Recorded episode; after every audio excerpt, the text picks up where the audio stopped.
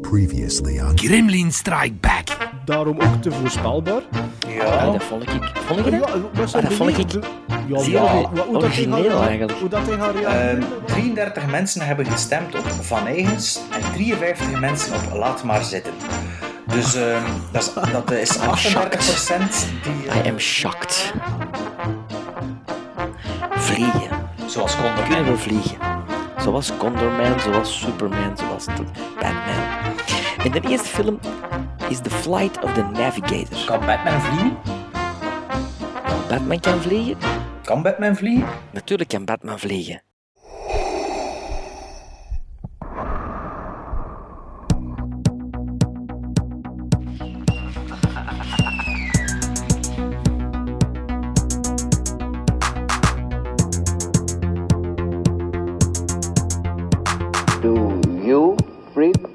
Such a?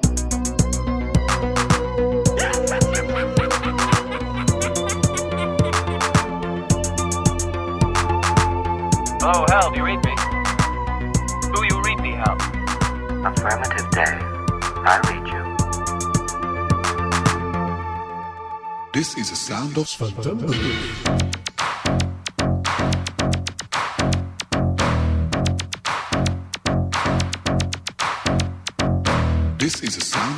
a sound which creates a new dimension.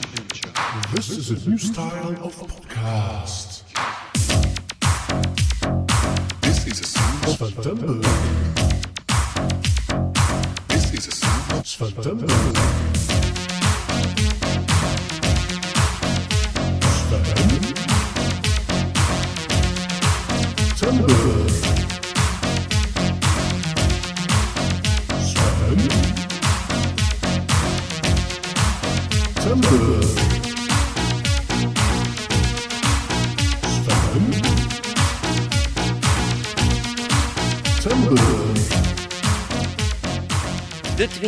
van Sven Timber. Vandaag gaan we onder andere een zalige lach begraven, de letter D uit onze kast trekken, de beste screenwriter van Hollywood zijn regies beoordelen en een iconische palm geven aan een van onze favoriete regisseurs, Brian De Palma.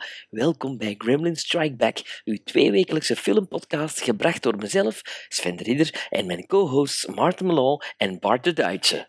Goed, hè? Hij zet een maalt dat dat de- internationaal de, de, klinken. de zo, hè. derde, ja, de derde keer eigenlijk dat al een podcast opneemt van op een boot. Hè. Eh, nu- Ehm. nu- wel de eerste keer op een duikboot. De vorige keer bij Hert, Hert Verhulst had ik er een opgenomen. En toen nog een keer een bij, eh, eh, bij eh, K3 op de boot. Hè. Juist, Ja. juist. Ja, ja, ja. Is ja. Het is inderdaad, en ik was vandaag aan het bedenken, het is ook met een derde bootfilm.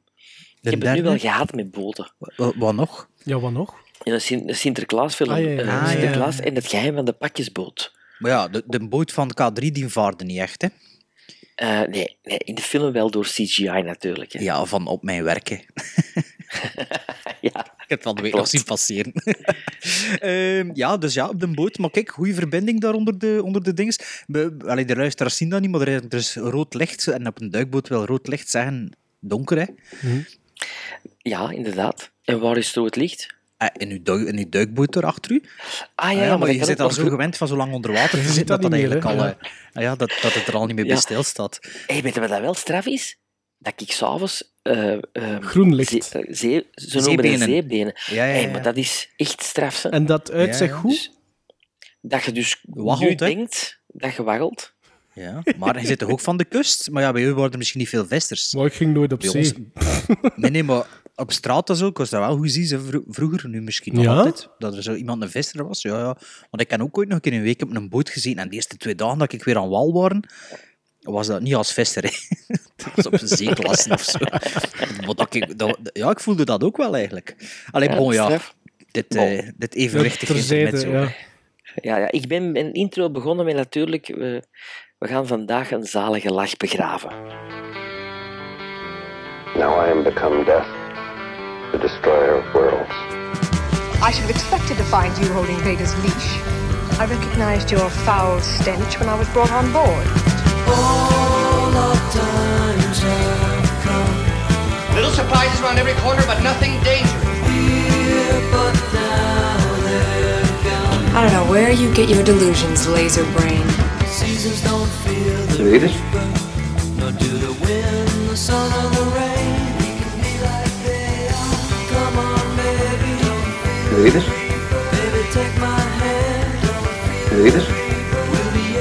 Burt Reynolds is niet meer. The bandit. The bandit has gone. The bandit has left the building. Wa- wacht. 82. Ja. We gaan er even een klein liedje tussen steken. He's bound and down, loaded up and trucking. Are we gonna do what they say can't be done? We've got a long way to go and a short time to get there. I'm eastbound, just watch no bandit run. Keep your foot hard on the pedal, son, never mind them brakes. Let it all hang out, cause we got a run to make. Dat is keigoed, hè. Dat is, ja, dat is een liedje dat, dat als je dat eh, s morgens hoort, of, of dan is het voor de hele dag dat dat Beetje convoy, hè?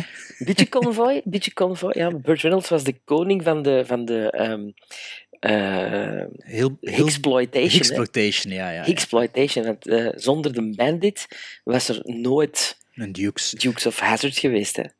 Eh, Smokey and the Bandit is eigenlijk zo de, de exploitation film der exploitation films.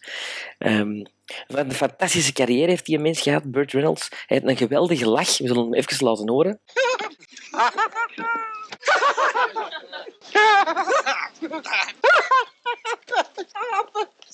Is een aanstekelijke lach natuurlijk. Eh, en hij heeft ups en downs gekend in zijn leven. Hij heeft in de jaren 70 en 80 was hij een van de grootste box-office trekkers. eh, een van de major Hollywood stars. En dan is zijn ster een beetje getaand, tot met Boogie Nights, dat hij weer terug is opgepikt, een Oscar-nominatie behaalde, waar hij zelf heel trots op was, wat hij zelf het hoogtepunt uit zijn carrière noemde.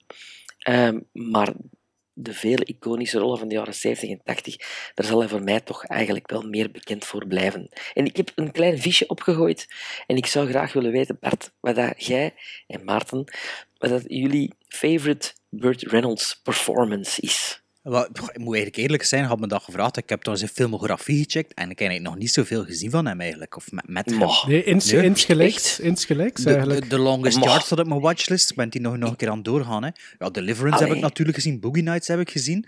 Maar Maar allee, Ja, ik ben daarmee opgegroeid met Burt Reynolds. Smo- Smokey and the Bandit... Ja, maar je zit tien jaar oud. Ja, Smokey ik- and ja, the Bandit voilà, ik heb ik denk- volgens mij ook nog niet gezien.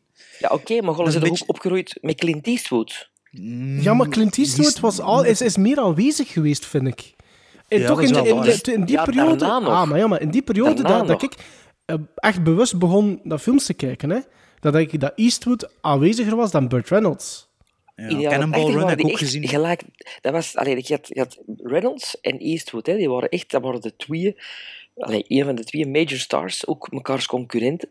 Maar is dat ook Eh. iets niet wat dat wij zo wat meer door onze ouders zo moeten meegepikt hebben, Burt Reynolds? Ik bedoel, mijn vader bijvoorbeeld keek niet naar films van, met Burt Reynolds. Die keek wel bijvoorbeeld naar films met Clint Eastwood. Snap je wat ik bedoel? Ja, dat is, er, is raar omdat dat eenzelfde periode is. Maar, het is een, maar heb je het zelf al aangehaald? Het is wel een ander... Een, Ander soort ja, film. een, is een, Absoluut. een, een, een, een bijzonder specifiek genre op dat moment nog. Hè? Ja. Dus misschien heeft dat er Ja. ook iets mee te maken. Dus ja, Sven, ik, ik moet je een beetje teleurstellen. Ja, het, het zal dan wel Deliverance en Boogie Nights moeten zijn van mij. Maar eh was Smokey en de Bandit wil ik wel al, al lang zien. En misschien heb ik dat wel ooit En gezien. die gaan hè. Smokey in de Bandit nog niet gezien. Ik weet het niet, denk het niet. Oké, er zijn er drie van. ik ben er zeker van dat ik dat nog nooit niet gezien heb. Oké. De één is wel de beste. De één is de beste van de Smokey and the Bandits. In een drie heeft hem zelfs alleen maar een cameo appearance als The Real Bandit. ik Ehm, denk dat het gemakkelijk zou zijn voor mij voor dan... Well, Deliverance heb ik ook gezien. Dat heb ik zeker gezien. Deliverance heb ik gezien. Boogie Nights heb ik gezien. Ehm, er zijn er nog wel een paar dat ik gezien heb. Maar, maar, ehm, Oké. maar dan zou ik toch wel voor Boogie Nights gaan. Ik vond dat hij daar... Allee, dat- dat echt wel dat hij daar echt goed aan het acteren was. Ja, dat is Voor fantastisch. mij is dat wel al heel lang geleden dat ik Boogie Nights Ik heb hem drie maanden drie maand terug heb ik hem nog een keer bekeken. Ehm, ja, ja. Dus het is allemaal dat dat nog het verste in mijn geheugen zit. Ook. Pas op, Deliverance is, is, is, is, die, is die ook fantastisch. Hè? Maar ik denk dat die... Ja, was zijn, eigenlijk zijn een eerste, eerste grote rol. Ja. Want hij was een, een voetbalplayer en doordat hij gekwetst is geraakt, heeft hem zich eh, op, de, op het acteren, op stunt, stunts ook, en, en ook op acteren gaan gooien. En, en Deliverance was eigenlijk ook een van de weinige rollen zonder snor. Ja, ja, Deliverance. ja, juist. Ja. Maar, Ja. allee, like dat ik nu door zijn biografie aan het scrollen ben, hè, zoveel zit er eigenlijk echt niet tussen die bekend zijn van films, maar toch is het wel een heel iconische type. Hè. Ik bedoel, je zegt Burt Reynolds en ik weet al direct hoe dat hij eruit... Allee, ik bedoel, ik heb Ja. daar maar een paar films van gezien van die gast. En Ja, uiteindelijk... In de jaren 80 was dat zo in de video. Maar je had zijn image. Ja, hij had zijn image, hè. Burt Reynolds, Burt Reynolds was niet alleen een acteur, maar die had, die had, die had een, een, een... Die was bekend omwille van zijn imago, om zijn presence, om zijn uiterlijk.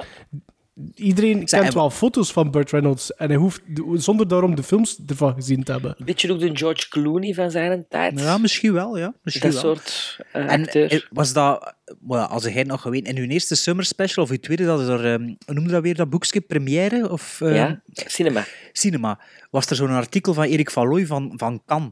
Was dat Burt Reynolds dat niet aanwezig kost zijn? Ik weet nog dat het zei van, ja, dat was het nieuws of wat, dat Burt Reynolds niet aanwezig kost zijn. Ja, ja dat ging over Burt grote- Reynolds, maar eigenlijk was hij toen nog niet zo oud eigenlijk. Ik dacht eigenlijk dat hij Nee. toen al ouder was. Allee, ja. Nee, nee. Hoe oud is ik geworden? zei er hè? juist op- 82. 82, 82. En hij zoekt met, met die feud met Eastwood was altijd aanwezig. Maar was, de was er een effectieve feud? Een beetje gelijk Stallone en Schwarzenegger. Ja. Eh, als de ene een die- ja. grappige film maakt, dan moet de ander ook een grappige film maken. En ze hebben dat dus eigenlijk gecombineerd, want ze hebben samen ooit een film gemaakt. Ah ja? Ene. City Heat. Ah, van ja. Richard Benjamin. eh, een eh, gangster eh, comedy die zwaar geflopt is. Eh, omdat men dus die twee iconen hadden ieder op zich veel succes en samen in een film Werkte dat niet? marcheerde. Ja. Dat marcheerde niet. Nee.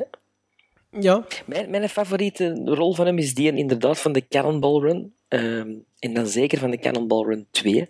Want dat vind ik persoonlijk, een, ja, omdat het een beetje nostalgie ook is, een betere Cannonball Run film. Hij speelt door J.J. McClure. En dat is, ja, daar is- denk ik dat hem heel, heel dicht bij zichzelf zit, qua personage.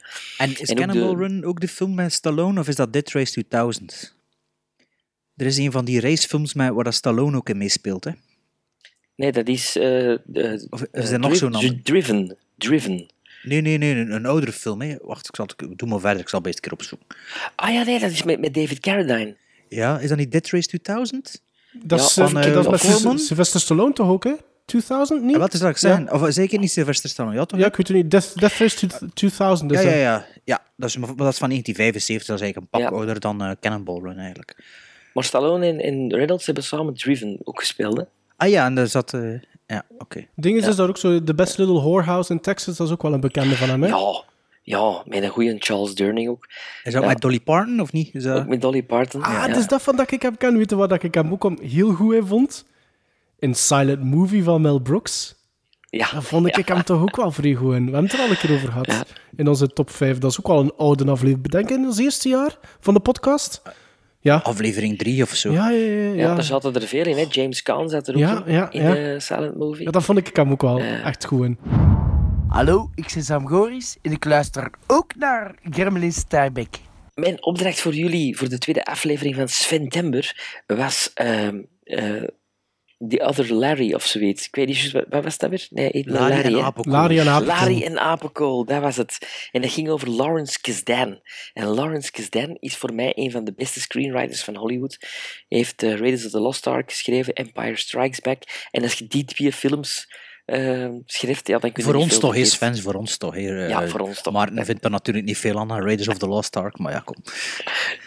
Maar de Empire Strikes Back wel, hè, Maarten? Ik weiger om daar nog op in te gaan. Dus ook niet dus.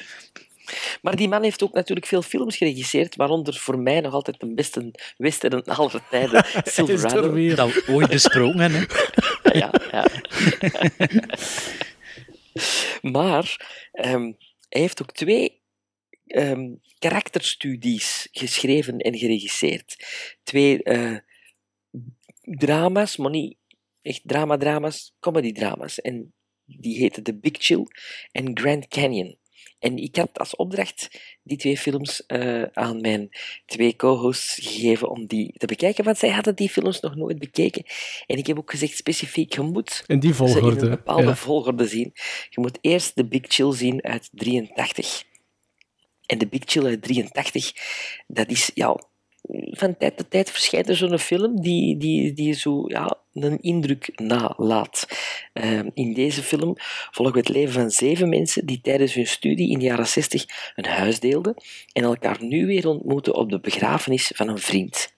Ze brengen een weekend door met drugs, seks en het ophalen van hun rebelse studententijd. Punt. Punt. Dat is, dat is een, een de visje dat ik opgooi. Ah ja, een vi- Een visje. visje dat ik op... Eh, Het is al de tweede keer dat er dat zegt, een visje opgehouden. Dat is met die boten zeker, hè?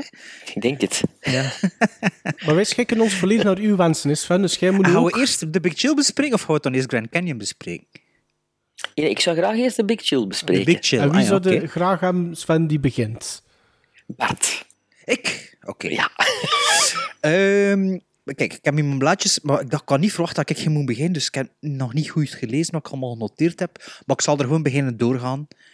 Ook al is mijn print, print ink bijna op. Ehm, nee, eh, de Big Chill stond op mijn watchlist, ehm, omdat ik er al de laatste jaren redelijk veel voor gehoord heb. eh, in podcasts of zo, weet ik veel, of eh, online gelezen. Misschien ook de Rus-fan, ik weet het niet meer. ehm, omdat hij ooit vertelde dat Kevin Costner dus eruit geknipt was en daarom de Ja, rol kreeg in. Silverado. Allee, niet daarom, maar... eh, ehm, maar de, de, ja, de, de film begint en ja, de generiek, dat is echt een topcast. Hè. Ja, dat is zie passeren. Het zijn allemaal bekende namen. Toen misschien niet allemaal, maar het zijn wel bijna ma- allemaal bekende namen geworden. Ik weet niet Weet wie je dat... wat de grootste, de grootste naam toen was van die lijst? Kevin Klein? Eh, Nee, Jobit Williams. Wie is dat? Want die had, ne- die had net Poltergeist gedraaid. Ah ja, Ah, ja. Poltergeist 1. En wie is dat? Wel- ja. Welke is dat dan?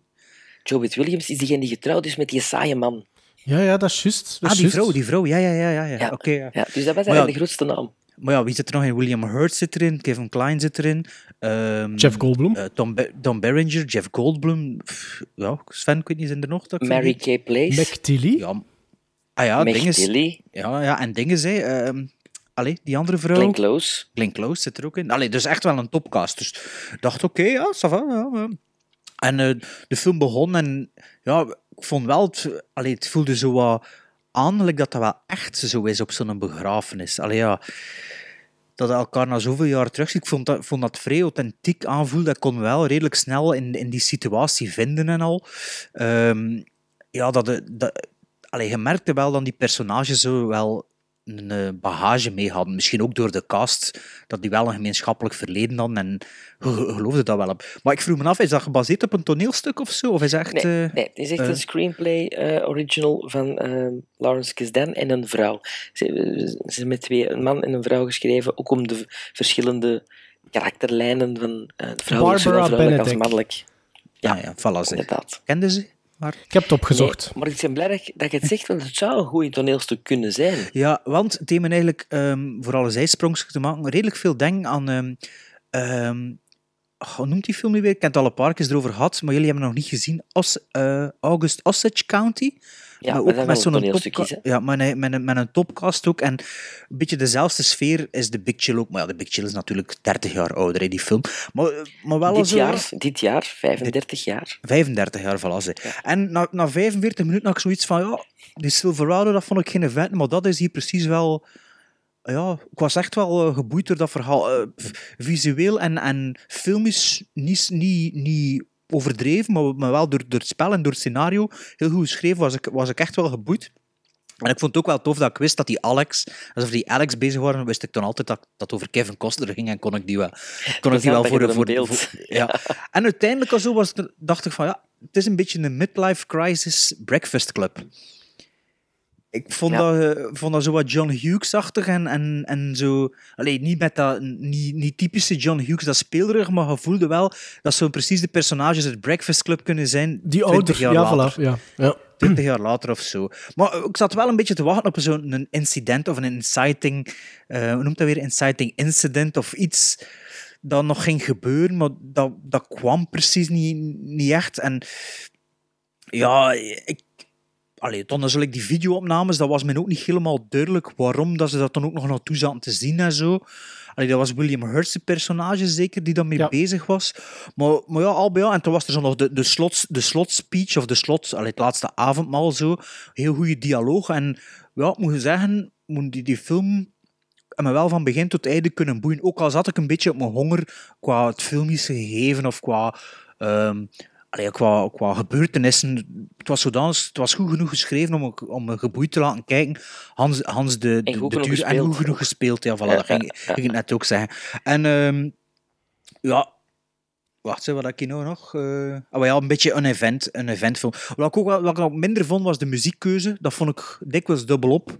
Also, als er zoiets is tussen een koppel dat niet echt samen is, en zo When a Man Loves a Woman, of ja... Ja, maar je moet dat in 83 zingen. In 83 waren dat, maar dan nu de, de hits van de jaren 80 zijn die gebruikt. Hè, Ja, waren ja. in de jaren 80 de hits van de jaren 60 die gebruikt werden.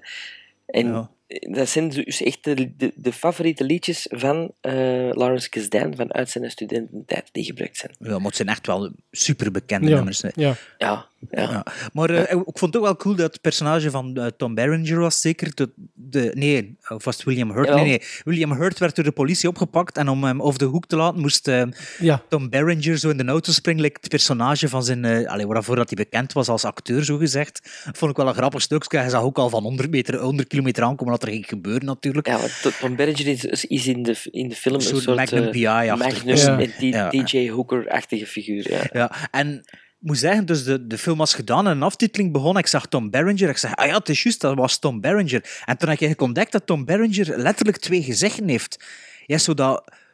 In sommige moet ik door zijn, biografie gaan, eh, zijn filmografie gaan. En gedurende de jaren zijn er films dat hij zo vrij platoon eruit ziet. Je weet wel, zo'n bakkes.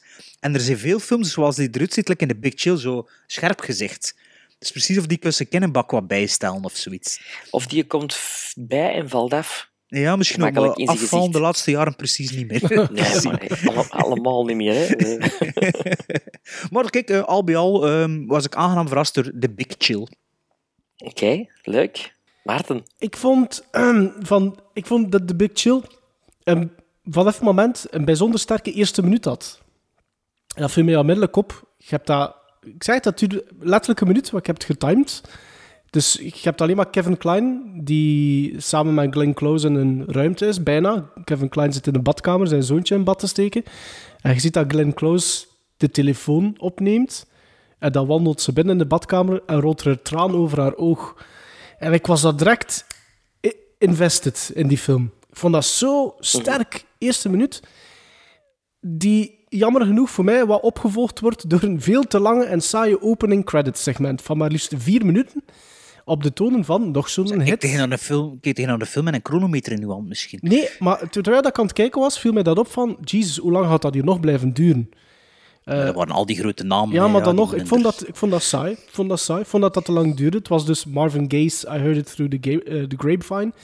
Ehm, en op dat moment kreeg ik wat schrik. ik zeg van shit, ze biedt...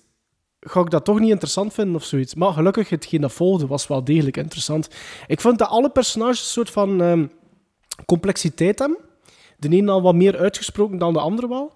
Maar dat is interessant. Ehm, en zowel die Hanse vriendengroep als ook de Outsider, vertolkt door uh, McTilly, eh, vond ik goed tot zelfs heel sterk acteren. En wat dat eh, een pluspunt is van Kasdan en van die Barbara Benedict, is dat er een soort van eh, een continue vorm, vorm van humor, tot zelfs hele zwartgallige humor in The Big Chill zit. En ik wist dat zeker te waarderen. Ik heb twee voorbeeldjes daarvan neergeschreven voor dat te illustreren.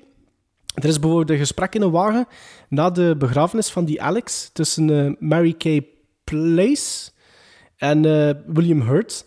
Waar dat zij zegt dat ze ruzie nog maakte met Alex de laatste keer dat ze hem telefonisch hoorde. Waarop dat William Hurt daar antwoordt: That's probably why he killed himself.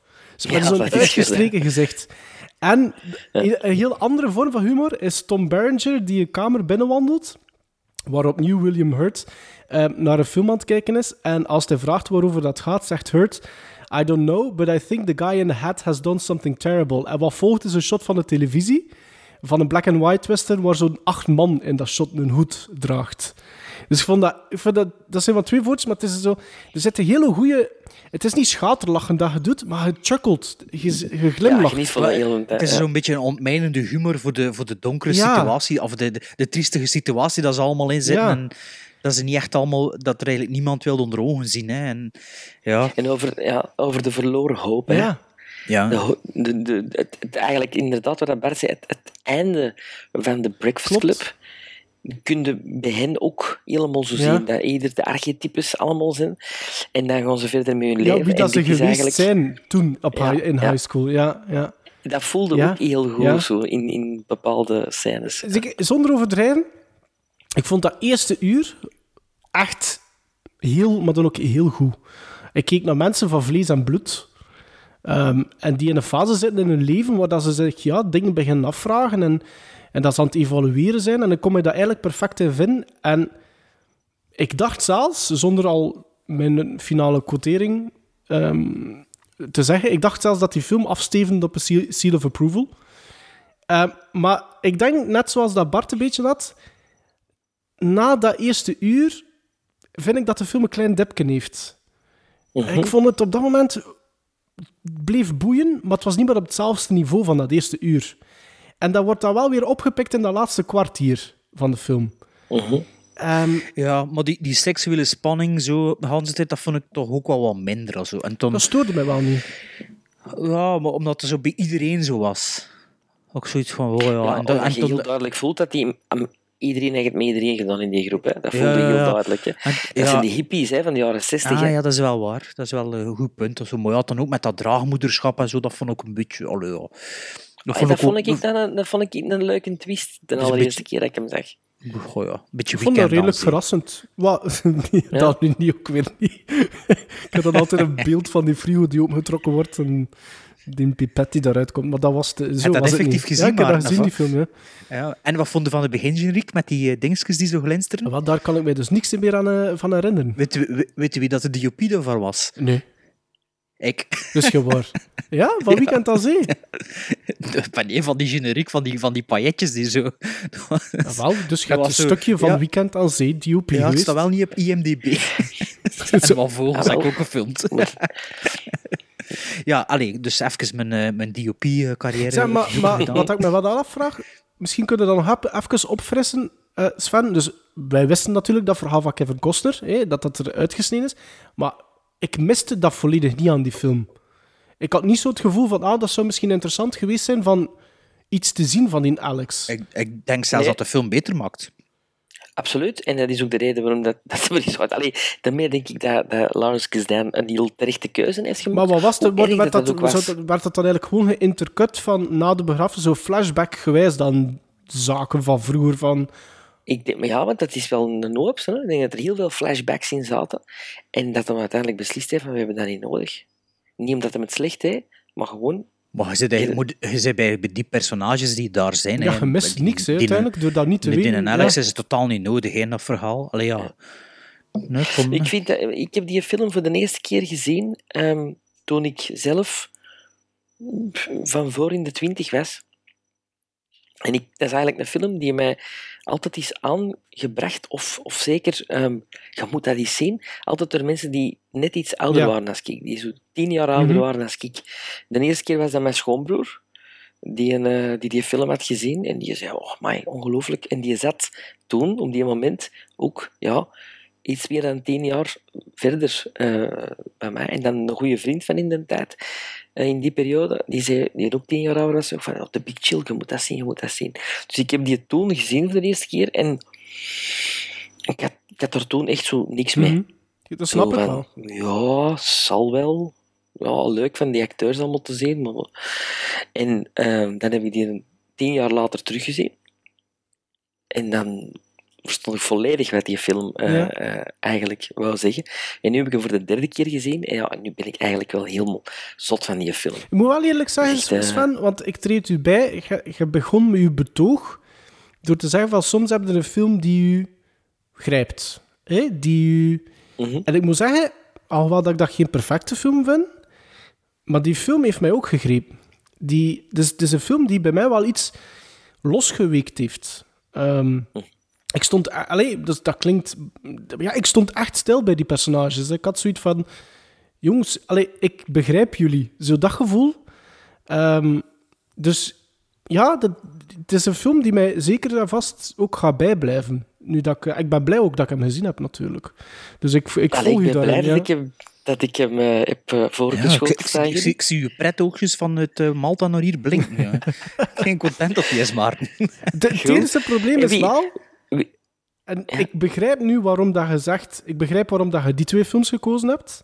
En ik begrijp waarom dat je zegt van bekijk eerst de Big Chill. Maar ik hoop dat ik mij niet te veel ga herhalen straks. Op bepaalde manier. Oké, goed. Wie vonden zo het beste spelen? Kevin Klein. Ja, eh, ja ik, ik, ik heb dan opgezocht, Kevin Klein die is al 75. Dat is zot, hè?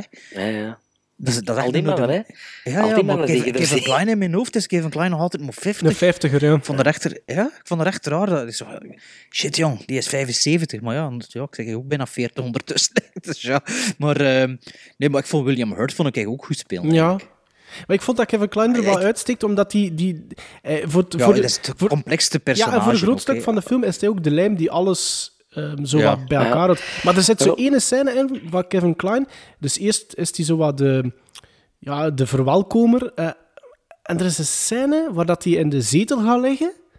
En hij legt zijn voeten op een ander vrouwelijk personage.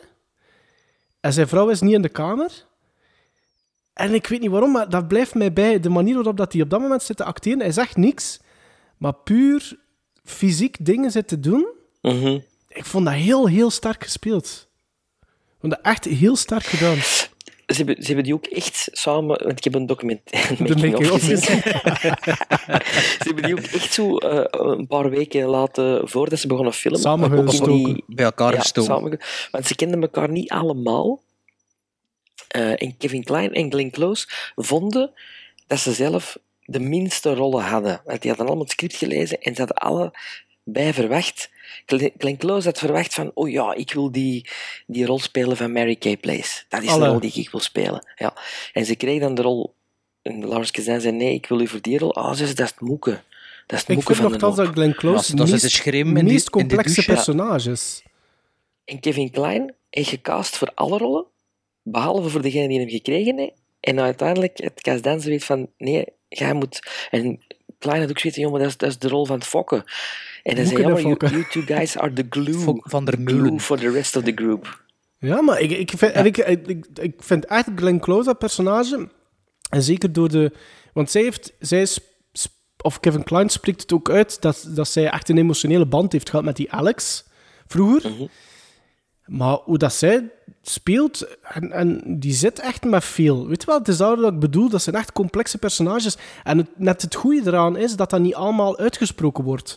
Dus, dus niet alles wordt op de tafel gesmeten, maar je voelt wel nog bepaalde dingen zitten. En dat Ja. vind ik heel tof Je aan die film. dingen zelf Ja. invullen ook zo. Ja, ja dat is... Ja, En- tof. en wie zijn Oké. uw favorieten? Of wat vind je, vind je het best spelen? Ah, wel, ik heb Joe Beth Williams. Je hebt altijd een toffe actrice gevonden. En ik vind, ik, nu met hem terug te zien, viel mij die heel hard op nu. Zo van, shit. Ja, goed. En wel, ik denk dat ik haar niet kies, omdat haar personage net één is wat dat eh, wel het meeste aan de oppervlakte zit van haar troubles eh, als personage. Terwijl bij Kevin Klein bijvoorbeeld en ook Glenn Close blijft er zo wat onder de oppervlakte ook nog dingen zitten. Ja, zwaar.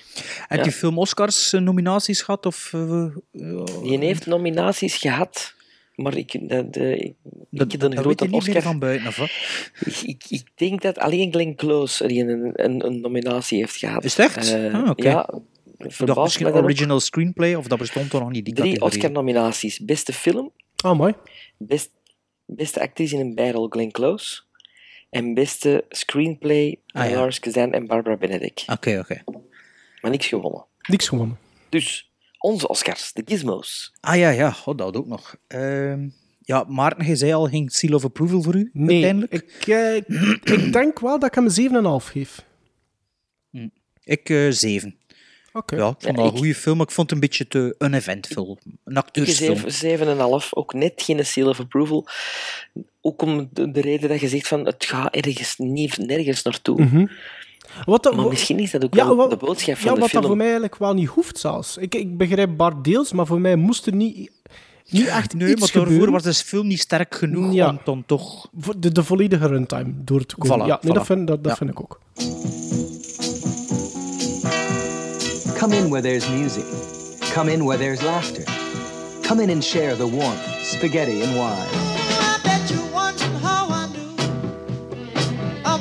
Oh, you know, I forgot what this is like. Getting away from you people is the best thing that ever happened to me. I mean, how much sex, fun, friendship can one man take? I know that Richard will always be faithful to me. That's nice. little trust. Fear of herpes. There is a little known condition that affects all our lives. Symptoms range from lack of coordination to lack of direction to unusually mature behavior. Tell us about big time journalism. I know you wanna leave me, but I refuse to let you go. If I have to beg, plead for your sympathy, I don't. The new stars of the 80s in a comedy for all times. Tom Berenger, Glenn Close, Jeff Goldblum, William Hurt, Kevin Kline, Mary Kay Place, Meg Tilly, Joe Beth Williams, Lawrence Kasdan's The Big Chill. In a cold world, you need your friends to keep you warm. De tweede film van Lawrence Kasdan die ik graag aan mijn co-hosts voorschotelde was Grand Canyon. Een film uit, eh, en nu ben ik het jaar kwijt, 91 denk ik? 91. denk het ook. 91. Lawrence Kasdan geeft in deze film een beeld van de verloedering, ver- verloedering en de onverschilligheid in Los Angeles en de mensen die zich daartegen verzetten. Een goede daad in de film zet een kettingreactie in gang die hun leven en dat van hun vrouwen, vrienden en oppervlakkige kennissen voor altijd zal veranderen. Samen ondernemen ze een reis naar de Grand Canyon, het enige rustige plekje op deze aarde. Wat is dat nu? Dat is de laatste minuut van die film. ah ja, Dat is kaft. Ai, ai, ai, ai, allee. die kaften toch, hè. Ai, ai, ai, ai, ai. Dus, allee, ik- dat sloot toch eens- nee, nee, ik kon nu beginnen, want ik wil met de Grand Canyon eigenlijk beginnen met iets te zeggen, eh, voordat je eh er maar over eh klappen. Ik, Ja, allee. ik ben een grote fan van de Grand Canyon, van het natuurelement, het, het gegeven, de spleet, de spleet, De spleet de van. Amerika. De Ja, de spleet van, Amerika. Ja. Dus in 91 zag ik dat die film ging uitkomen en die heette Grand Canyon. En ik dacht, wauw, dat gaat over de Grand Canyon. Een avonturenfilm. Ja, of Wel, Sven, ik dacht in 2018 ook hetzelfde. Dus vertel maar verder. Dus dat gaat daarover gaan. En toen zag ik in 91 eh, die, die, die film. En ik heb die gezien voor de Big Chill. Destijds. Dat is alles dat ik wil meegeven. Voilà. Maar jij moet beginnen. Ik, ben blij dat je dat nu nog verteld hebt, vooraleer dat ik moest beginnen. Maar... Ehm, dus, zoals dat ik eigenlijk dat juist eindigde, Grand Canyon vertoont voor mij een pak gelijkenissen met de Big Chill. Al zeg ik er onmiddellijk bij dat ik de Grand Canyon scenarioel wel absoluut zwakker vind dan de eerste titel, dan de Big Chill. Je hebt nog altijd personages die van vlees en bloed zijn. Vond ik goed. Eigenlijk nagenoeg iedereen. Maar die complexiteit van in de Big Chill ontbreekt in de Grand Canyon, voor mij dan. Dus de problemen die elk van hen heeft, is boeiend genoeg. Maar er zit een stuk in die film waar dat het belangrijkste deel van de personages, en dan heb ik het vooral over ehm, Kevin Klein en zijn, ehm, zijn vrouw, is dat Mary McDonald? Mary, Mary Ja. McDonald. Ja. Eh, die zitten precies in een soort van impasse in die film.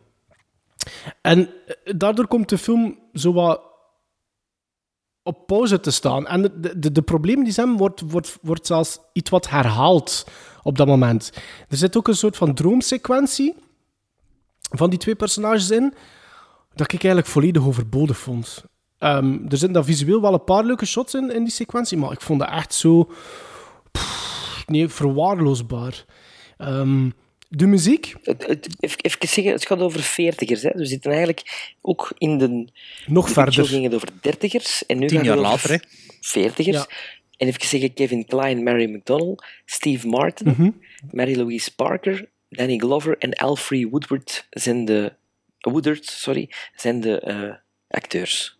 En is dat, eh, heb je die hoofdactrice van Weeds vernoemd? Is dat Mary? Louise Parker, Ah ja, is dat die? Ja, oké. dat is de jongste eigenlijk, van de band. Allee, van de banden daar. Ja. dat is de Mechtilli van de Ja, Grand Canyon ja. eigenlijk. Wel, maar wel met blote tetten. ja, Ja, even. Mechtilli, Nee, Mechtiele niet, hè? Mary Jo Parker waren. Nee. En die Ja, droom, hè? Mary Louise Parker. Ja. Ehm, dus ehm, wat ik ging zeggen, de muziek van James Newton Howard, hoewel dat hij soms iets, iets te aanwezig was. Fenomenale muziek, En, toch? en, laat me uitspreken, en wat cliché klinkend, vond ik wel heel goed. Maar heel goed. Ik vond dat echt heel goed, Sven. Ehm, en dan die, de, de continue aanwezigheid van die Grand Canyon vond ik op een bepaald moment heel storend worden. En het einde is daarom... en het einde is daarom ook wel veel te zeemzoeterig, voor mij persoonlijk. Wat ik wel goed vind aan dat einde, is dat er niet weet... Ik dacht van, allee, is dat nu echt zo gedraaid? En toen dan zo panden ze nog eens in de Grand Canyon. Dan dacht ik van, oké, dat is wel cool voor dat dan toch Zo te revealen, ja. ja. Ja. Allee, Allee, de ja. film is, is voor mij weinig verrassend, The Grand Canyon. En het is een voortkabbelende movie of the week, noem ik dat dan. En als laatste wil ik er wel nog bij zeggen dat die eh, Donald Glover, eh, Danny Glover, zoals dat Sven zegt, vind ik wel goed in The Grand Canyon. Dat was wel iemand... Dat is, Danny, dat is ook Danny ik Glover. dacht dat dat zijn echte naam Donald Glover was. Is Nee, Donald, Donald Glover Glover is die- Childish Gambino, Bambino eh, Dat solo? is dingen, dat is... Ja, Allee, heette die lang- niet hetzelfde? Nee, nee, nee. Danny, is het echt Danny, Glover? Oké, Ja. ik dacht dat dat zo'n beetje was. Like Larry en Lawrence Fishburne. Dat die misschien eerst Donald en... Nee. Ja, oké. Dus ik heb... Ah, eh, ja, dat, dat, dat Danny de verkleinwoord is Ja. van Donald. Ja, zwart. Nee, er Danny, toe. Danny Trump. Danny Trump. maar ik wou daar gewoon nog even aanhalen van, die, van Danny Glover, omdat, omdat hij me wel opviel. Danny Duck.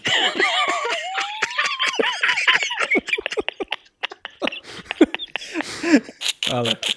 Dan niets gelanceerd. Ronald, Ronald McDanny.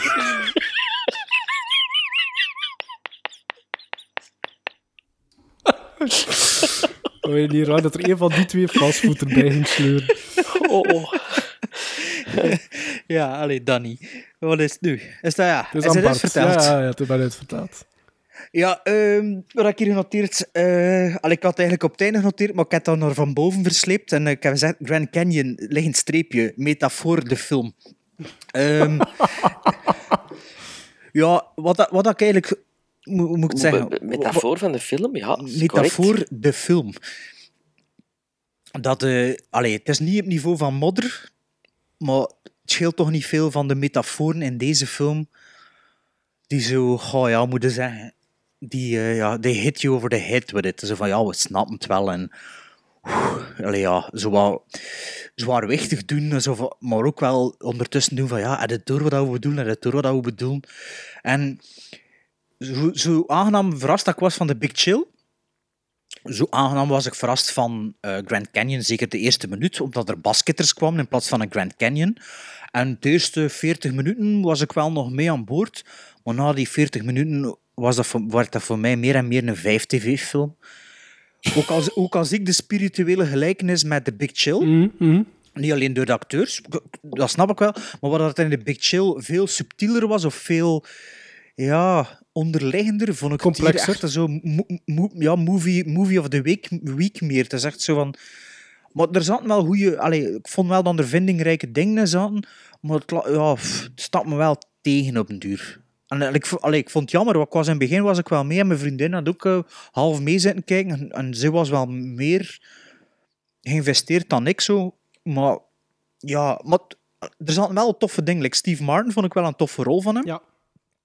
Ook al verdwijnt hij de tweede helft van de film, film volledig, voor dan op het einde terug te komen van de moraal van het verhaal nog een keer te, vers- voor een keer te spellen eh, naar de kijker toe. Wat ik ook wel cool aan vind, is de, hoe dat hij neergeschoten wordt en die, die reveal ervan. Oh ja, hij dat dus, was, eh, ja, ja. Dat hij echt zijn broek vol gepist heeft. Dat zie je nooit in Nee. films. En ik vond ook de manier waarop dat die overvaller hem benadert, ik vond dat heel realistisch. Want hij lacht zo nog een keer en toen wordt hij neergeschoten. En ik dacht in eerste instantie ook dat dat Kevin Klein was. Ah ja, ja, ja. Ah, Dus ja. ik, ik, ik kan dezelfde verwarring als hem precies. Dus ik vond dat wel goed. Dat er zoiets had van, ah, dat is een maat. Ah nee, nee, die kende hem niet. Ah nee, oei, je wordt neergeschoten. En oei, oei, je hebt zijn broek veel gepist. Ja? En toen is het ook, allee, ja, en toen is het ook wel nog spannend voor hem. En ja, dan verdwijnt hij voor de helft van de film. En ook, ik vond hij wel goed acteren ook. Allee, ja, dat is... Steve Martin, ja, dat is een komische rol wat, over het wat, wat dat er goed was ook van met Steve Martin ehm, is, en dat is, dat is ook weer een raaklijn. Ik vind beide scenario's worden zo aangepakt van ik kijk effectief naar mensen van vlees en bloed. Het voelt heel realistisch aan allemaal. En net daarom vond ik ook de, de, eh, eh, dus Bart zegt juist dat het personage van Steve Martin neergeschoten wordt. Hè? Die heeft daar net na heeft hij een soort van epiphany. Hè? Hij gaat alles anders aanpakken. Maar wat dat er dan daarna gebeurt, vond ik ook weer heel realistisch. Het, het was Ja, maar van met- korte, met, met korte casual, duur. Met casual MeToo-stukje erin. Ja. Maar, ja, maar, maar ik vond zijn, zijn, wel van... ik vond dat zo, zo goed geschreven, omdat zijn epiphany was maar van korte duur. Zo, ik- Ja. Dat voelde ook heel realistisch aan. En dat is iets Ook wat... heel menselijk, Ja, ja. iets Ja, heel menselijk. En dat is wat dat beide films wel typeert, is dat dat, dat, dat, dat, realistisch gevoel heeft. Ehm, Ja. Maar ik vond ook wel, alleen maar ik nu zei, de Me Too, hè, dus dat is een filmproducer, hij zegt er zoiets tegen iemand van, ja, ik, dat gebouw is van mij, kom maar een keer langs, ik zou wel een job kunnen hebben voor u, zegt hij zo. Ja. En ja, ja, weet wat hij in bedoelt. dat was toen, toen was dat nog, allee, tot twee jaar geleden was dat zo nog normaal zo, en nu is dat al... En ik vond ook wel zo wel... Ja, je voelde wel dat dat een film was, zo door, door, door, allee, ja, dat is een beetje millennial achter, dat dat wel door een blanke vent geschreven was, die LA eigenlijk, ja, die zwarte En zijn gemeenschap- vrouw. Wat? Maar, maar, Maar, ja, Sven, oei, de, de meestervinger komt erboven. nee, Grand Canyon is een, profe- een beetje profetisch, hè, want je voelt heel hard wat dat Lawrence Kasdan wil zeggen, zo dat de, de broeihaard van, Ja, ja, van de, de, de wereld is aan het veranderen ook, in hè. LA Ja. en in ja, LA... voor LA 92, voor de riots Ah, eigenlijk. Hè. Het is vlak voor de riots, hè. En Ja, je ja. voelt dat eigenlijk in die film dat er al zo... Ja. Dat die spanning al ont, ont opladen is. Dus ik vind Ja, dat en, ja, en, en maar dus ook dus de, de eerste... Maar ja, het is toch wel zo... Ja, er passeren een auto met zwarten en hip-hop en het is zo van... Oeh, gevaarlijk. zo van, van die Ja, dingen. maar je Zo, zit ja, dan natuurlijk dat- in een soort van... Ja, en je zit dan natuurlijk in zo'n een wijk... Ja. Een blanke wijk hè, van Wel- iets rijkere middenstand van, van Californië. Hè. Hier, hier, los van de score van ehm, eh, James Newton Howard, was het zeker? Van Ja. was de score? Ja. Is dat die dat ik live gezien heb? In Ja. Antwerpen vorig jaar? Ja. Ja. Dat was ook trouwens de, de, het laatste nummer van mijn eerste Summer Special, Grand Canyon.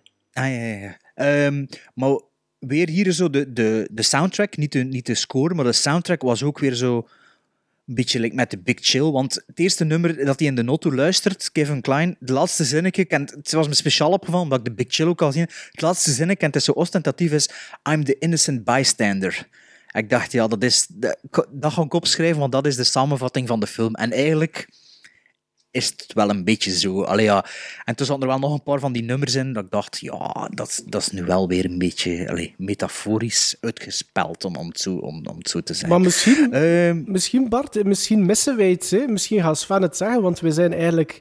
We schelen tien jaar, hè? zoiets. Dus misschien, mis- ah, misschien, ah, ja, misschien zijn wij daarvoor nog iets te jong, wie weet. ah, wacht, maar, Nee, nee, ik heb nog, een paar dingetjes. Ja, zomer. Mag ik het zeggen? Want ik Ja. kan het niet goed lezen, maar met mijn slechte inkt hier. Hè. Dus wat ik hier nog vermeld... Maar ja, slechte inkt, voor de mensen die het nog niet moesten weten. Ja, maar ja, ik kan het niet lezen, dus anders lees ik dat er zo rap tussendoor. Ah ja, wat ik ook gewijs vond, moest ik zelf ooit een film maken en het kan erin verstopt worden, ehm, is wanneer dat Kevin Klein hem in zijn vingers snijdt en er gebeurt dan iets en hij gaat die man gaan redden en die man hangt vol met bloed omdat Kevin Klein juist in zijn vinger gesneden heeft en iedereen denkt dat die vent zo aan het bloeden is. Dat, Ja. vond, ik wel een, dat vond ik wel cool. Dat is ook zoiets dat je nog nooit gezien hebt en die eigenlijk zo voor de hand liggend is. Dan ik dacht ja, dat is wel, dat is wel iets eh, om te tonen. En tot slot wil ik ook nog zeggen dat het wel cool was, maar ja, eh, Sven, je weet dat niet, hij heeft hem niet gezien, dat de huisbaas van de dude van de Big Lebowski een, eh, een klein rolletje heeft in deze film, maar net hem herkent. Zeg mij een De keer. vader, van, de vader van Amanda. de vader wat, die viel misschien niet op, omdat de, de moeder van Amanda zo slecht aan het acteren was. De, ehm, de, de vent, allee, de, het liefke van, eh, de, do- van de zoon van eh, Ah, Kevin ja, ja, ja, ja, ja. ja. Oké, ja, ja. dat, dat ja. was de, de huisbaas van de dudes Ja, ja. van de Big Lebowski. Wacht, ik heb zijn naam genoteerd. Wacht, hè. Een beetje dichter bij mij. Jack Keller. 100, 160 karakterrollen heeft hij. Zou waarschijnlijk wel al bij Gilbert Gottfried gezeten hebben. Ah ja, nog een gelijkenis met, met The Big Chill is dat de, de Grand Canyon een even saaie opening credits segment heeft. Ja, ik hou van die se- openingssegmenten. Ja, dat duurt- met dat je- dat dat je de namen van, van Verzi. Tegenwoordig is het altijd in om ineens de film te beginnen en, en dan pas op tenden eigenlijk de generiek te zetten. Ja, maar het ik ben voorstander lang. van lange generieks in het begin. Oké, maar dan moet het visueel komen door ook de interessant muziek. kunnen houden. Beetje like eh, Year of the Dragon. Hè? Dat was Ja, het dat, begin. dat, ja, dat is het Ja. summum daarvan. Dat was het beste van de film. Dat was, het dat van was, de dat was film. toch cool, dat begin. Maar ehm, er was wel nog één iets dat ik mega raar vond. Dat was die fliek, wanneer dat... ehm, de, de meisje van eh Weeds, hè, eh, Mary Rose, hoe noemt Ja, ze daar? ja. Mary Louise Parker. Wanneer dat, dat, dat ze haar, haar chacos gestolen wordt en die een fliek, Bijna. die, die, die haar zo wel kon allee, zo geruststellen. Ik, ik was overtuigd dat hij ofwel haar ging verkrachten, ofwel dat, dat ook een, een, dat, hij- dat hij mee zat in het scheme voor die auto te stelen of zoiets. En ik zat Ja, er echt zo op te ik wachten. dat Nee, ik word er- Allee, dat was, dat was super maar weird. dat was haar Ja, dat moment, is een beetje gelijk met Dylan in Crash. Zo. Dat, dat... Ja, ja, maar... Hij ja, vond het een min- beetje min- vicieus overkomen. Ja, ik weet het niet eh, wat, dat- wat dat zijn plan was. Ik, dacht- ik, ik dacht echt, ah ja, nou, nou, nu gaat een ander in de auto springen en ermee wegrijden of zoiets, maar dat was niet, dus ik vond dat, ik vond dat iets vrij raar. Maar, Hebben eh, jullie Crash gezien? Ja. Maar het Cronenbergse versie had dan nog een andere Ja, crash, nee. De versie met, met, met Dylan. Die... Nee, die heb ik nog nooit niet gezien. Os- Ah, wel. Oscar-winnaar. hè? Eigenlijk is jawel, die, Crash... die, jawel, die met Dillon heb ik wel gezien. Cronenberg heb, heb ik nog Ah, nooit niet gezien. En eigenlijk is Crash de betere versie van Grand Canyon. Ja. ja. De, de, de rijpere versie. Ja. Paul, hoe noemt de acteur weer? Eh, De regisseur Paul... Ja, van, die eh, gast die bij Scientology is gegaan, hè. Eh, Ja, maar dat, dat, we wel, dat we wel een beetje al zien als zo de, de onterechte Oscar-winnaar, hè? Crash, Ja. er wordt er zo wat, wat op neergekeken, hè, op die film. Ik vond dat wel een goede film. niet nee, dat is, dat is doordat de dat regisseur... Dat is doordat de regisseur bij Scientology is gegaan. Ah ja, dat is niet zo'n soort Shakespeare in Love dat eigenlijk Nee, gewonnen heeft ten zeg. koste van... eh, Dat was dat echt wel... dat Dat was echt wel een onfluiting, hè. Dat Shakespeare in Love won en niet Saving Private Saving Ryan. Private Ryan, ja. Ah ja maar Echt ik dacht waar. dat dat met de Crash ook zo was. Dat tussen Crash ging en nog iets groots. En dat in een andere film dan niet Dat gewonnen zou had. kunnen, dat zou kunnen. Ja, maar dat is in dezelfde, ongeveer dezelfde periode zo, hè. Nee, Crash is 2002, zeker? 2003? Twee, dacht ik. Saving En wat- Private Ryan is 96, 97, Ah, 98. oké, ja, ja. Ah, wel, ja, dat is op vijf jaar tijd. Ja, oké. ja. Zelfde Wat is dat een mensenleven, hè? Maar ik ga eh, voor, eh, voor eens een keer akkoord met jullie analyse, mannen. Nou ja, ik was benieuwd, eh, nee, nee, Big Chill is, is sterker dan, dan Grand Canyon. Maar ik vind Grand Canyon niet helemaal een weekendfilm of een 5-tv-film. Vind ik niet. Ik vind dat dat maar ja, niet rijp genoeg is. En eh hoeveel, hoeveelste keer is het dat je hem nu gezien hebt? Een tweede keer. Ah ja, dus het, is, het was echt van 91 of 92 geleden dat je hem Ja. gezien had. Ja, maar ik heb de soundtrack altijd blijven spelen, omdat ik die fantastisch vind. Ja, dat is goed. En, en effectief, toen in een tijd dat ik, ben ik zeker op mijn honger blijven zitten. Eh, maar dat had ik dus bij de Big Chill ook, omdat ik die in dezelfde periode heb gezien voor de eerste keer. Maar nu begin ik toen met die Grand Canyon toch ook wel wat meer dingen te zien en te voelen. eh, omdat je natuurlijk verder staat in het leven en dingen hebt meegemaakt. Eh, maar ik vind dat ook een heel goed geacteerde film. Ik vind Danny Glover fantastisch. Ik vind trouwens de twee beste rollen die ik Danny Glover ooit heb zien doen, is Silverado. onder is Silverado en deze. Want voor de rest vind ik dat niet echt een... Ja, Little Weapon, Maar niet echt een Ja, Little Weapon ook. Speelt hij hem ook mee Nee. in Pred- Predator, Predator Twee, of niet? twee. Ah, twee. twee, ja. Hoofdrol, hè, in zo, Predator nu, 2. nu, nu speelt hij heel slecht tegen. Echt de laatste tien jaar. Alles wat je draait vind ik verschrikkelijk wat hij speelt. Ja. En eh, Steve Martin, eh, dat is zo wat de eerste keer dat hij een serieuze rol speelde toen. Dat gaat hem goed af. Een beetje, ja, een beetje daarna heeft hem Novocaine gedaan, eh, van David Mamet. Heel goed was. Steve Martin is een goede acteur. En Kevin Kline is altijd goed. Ja, en die, Kevin die is eigenlijk ver- die is verdwenen, hè? Die is niet verdwenen. Nee? Die, die maakt lichtvoetige films. Die heeft een Oscar gewonnen voor Fiscal Wanda. Ja, dat weet ik. Maar dat is ervoor, hè? Dat is ervoor.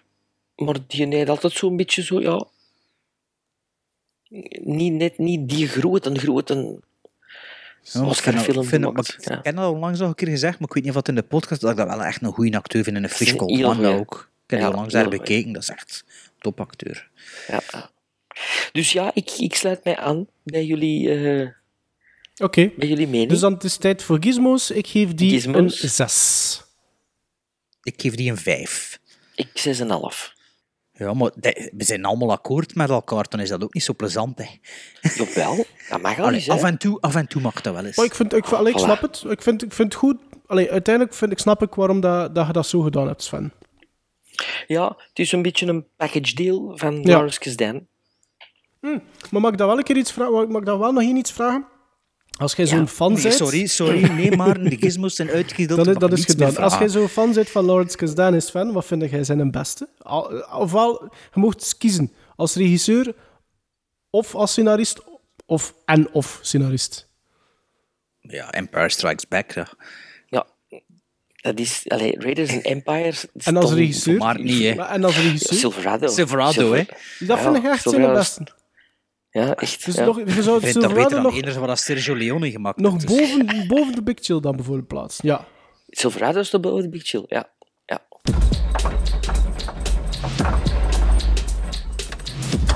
Nou.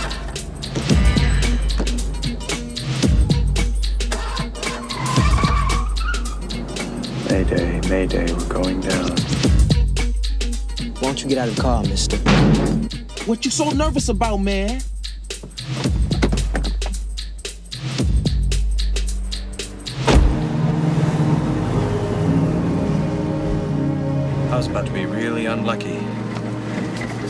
Showed up. Which one of you call for the truck? You dissing me, man? I'm supposed to be able to do my job without asking you if I can. That dude is supposed to be able to wait with his car without you ripping him off. Everything's supposed to be different than what it is. What's going on in the world? Seems to be so many ways to buy it, particularly in this city. You ever been to the Grand Canyon? When you sit on the edge of that thing, you just realize what a joke we people are. What is the theory on this handkerchief thing? I mean, after you blow your nose in it, you put it back in your pocket, and then you see someone in distress, and you like give them this gift from your pocket, and they're supposed to be grateful as they wipe it all over their face? Grand Canyon. Are you ready? Yes. Excellent. This is the uppercase A. A is A, A, A, A, A, E, Icky, O, Ooh, Ooh, Ooh, Icky, A, E, I, O, Ooh, Icky, I, O, Ooh. A, B, C, D, E, F, G, H, I, J, K, L, M, N, O, P, Q, R, S, T, U, V, W, X, Y, Z. Huh? That's all you have to do. Gremlins Strike Back. De Movie Alphabet. We duiken onze collectie in voor de letter D. Dus wat is, even nog eens voor de mensen die het nog niet weten, de Movie Alphabet Maarten. Ah, ik moet zeggen. Ah, ja, ja, het is. Ja, brainchild, ja, maar ik heb het ondertussen nog drie keer moeten uitleggen. Maar ja, het komt erop neer dat Maar ieder er van ons... dikwijls nieuwe luisteraars is waar, bij die is misschien waar, niet alles... is Ja, allee, Nee, ja. maar ik, dacht- ik dacht dat misschien iemand anders ook een keer kon uitleggen. Maar ja, maar dat is geen probleem. Want het is inderdaad... Je mijn- weet, ik kan niets uitleggen, Nee, hè, dus... als het niet eh, op papier staat. Eh, dus de, de movie wow, alphabet... hier, hier, hier. hier. movie Schrijf alphabet elke keer een boek. gaat als volgt. We kiezen dus elke film corresponderen met de eh, letter waar dat we aan zitten. Dus nu is dat bijvoorbeeld de D. En de, criterium, of de criteria daarvoor zijn eindeloos. Het kan zijn omdat het een goede is, een slechte film is, omdat er een fantastisch shot in zit, fantastische muziek in zit, een goede acteur, een slechte acteur. Het kan eigenlijk van alles zijn. Als er maar iets... Maar het moet wel in uw collectie En hij zitten, moet in uw collectie zitten. Ah ja, we duiken in onze eigen collectie. Hè. Dus dat is eigenlijk eh, de movie alphabet. En deze keer zitten we aan de letter D. Ja, terug aan de letter D. Ja, we hebben die ooit al eens Aflevering gedaan in onze 64. beruchte aflevering 64. Die twee of drie keer gecrashed is. Ik heb een andere gekozen. Ik ook, ken ook een andere gekozen. De Demon Episode. Ik heb dezelfde gekozen. Zal ik dan beginnen? Ja, ik weet al niet meer wat het was. niet meer eigenlijk. Ah, voilà.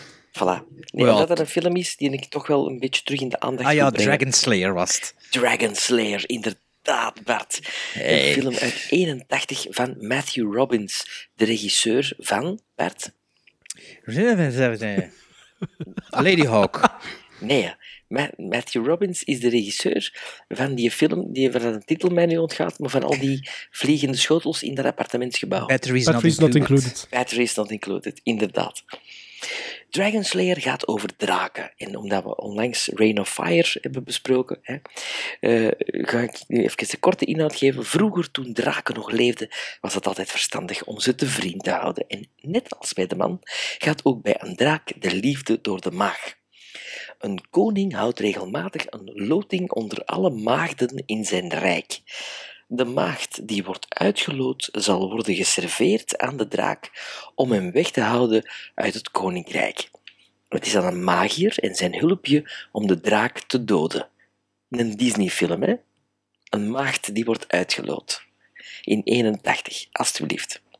We zien onder andere Peter McNichol, gekend uit Ally McBeal, dus iets wat kleinere, gekke De neuroot. eh, advocaat. Ja. Bekend van Ghostbusters 2. Inderdaad, Bart. We zien Sir Ralph Richardson, gekend van Greystoke, een film die je nog niet hebt gezien. En we zien Ian McDermott, de acteur die gestalte geeft aan de keizers, de emperor in de Star Wars franchise. Ik vind het een heel toffe film, zeker als je van drakenfilms houdt, zoals Fokke van der Meulen, eh, die die zeker zal gezien hebben. eh En die dit zeker niet gehoord. Dragon Slayer is een goed sprookje ehm, en een donkere Disney. Het is de periode dat Disney echt darker ging. Wellicht daarom niet zo gekend ook. Ik ken de film wel van naam eigenlijk. En ook door de vorige aflevering natuurlijk dat het verteld Ja. Maar ik ken die film. Maar ah, ja, dat spreekt me zo niet aan, die films. Zo de, dat en zo van die, ja, ehm, van die fantasyfilms, genre Beastmaster en wat is er zo Dat was nog? die periode. Dat was Zo die Red, periode. Red Sonja en dus ook zelfs Conan, al die films. Oh, dat vind ik wel goeie, hè. Maar dat is zo wat meer sword, sword and sorcery. Ja, maar ja, dat, dat bedoel ik, dat is ja. Ook, dat is ook, de Dragon Slayer zit ook wel in Toch? diezelfde... In die- ja, ja. En in de krul, de krulsfeer Oh ja, ook. maar dat- dan, dan is het het nog niet allemaal zeggen, goed, nog niet zeggen. Als het in die sfeer zit, dan is, is het allemaal goed, hè, man.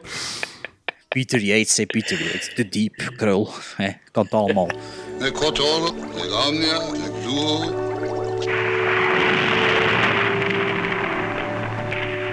I have been witness to something. Something of consequence to you.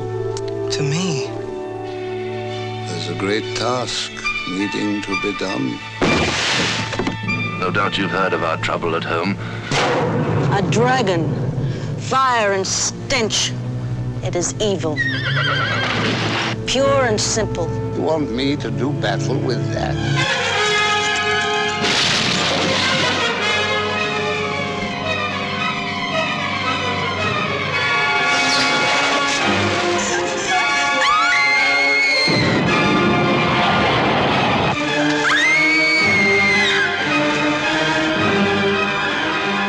Dragon Slayer.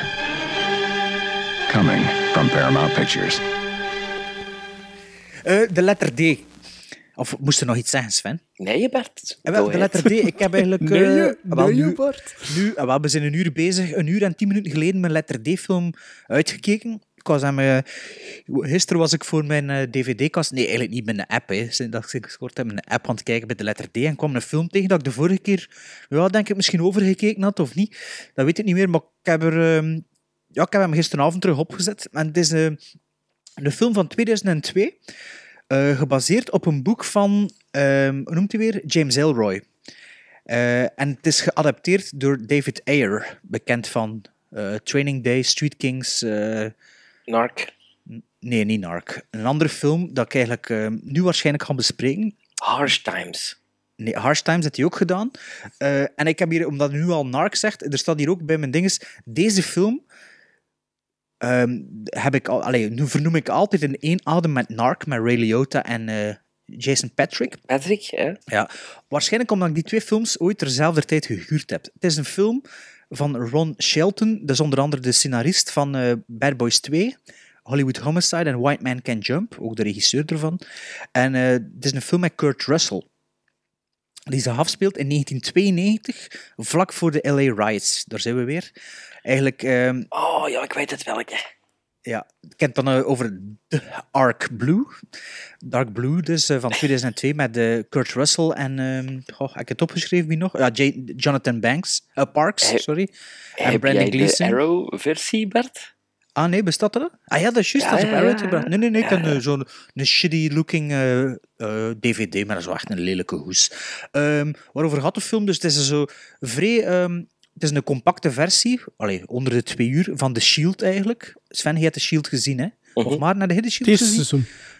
Ja, waar, waar altijd beter is, Sven, we er zijn akkoord. Hè. Elk seizoen wordt beter. Dus het gaat echt over een cynische, corrupte politieagent in de hoofdrol. Hij speelt er Kurt Russell, eh, die, ehm, ja, die, ja, die eigenlijk een klootzak is, en een racist en weet ik allemaal, die eigenlijk ook gewoon moorden pleegt met zijn badge.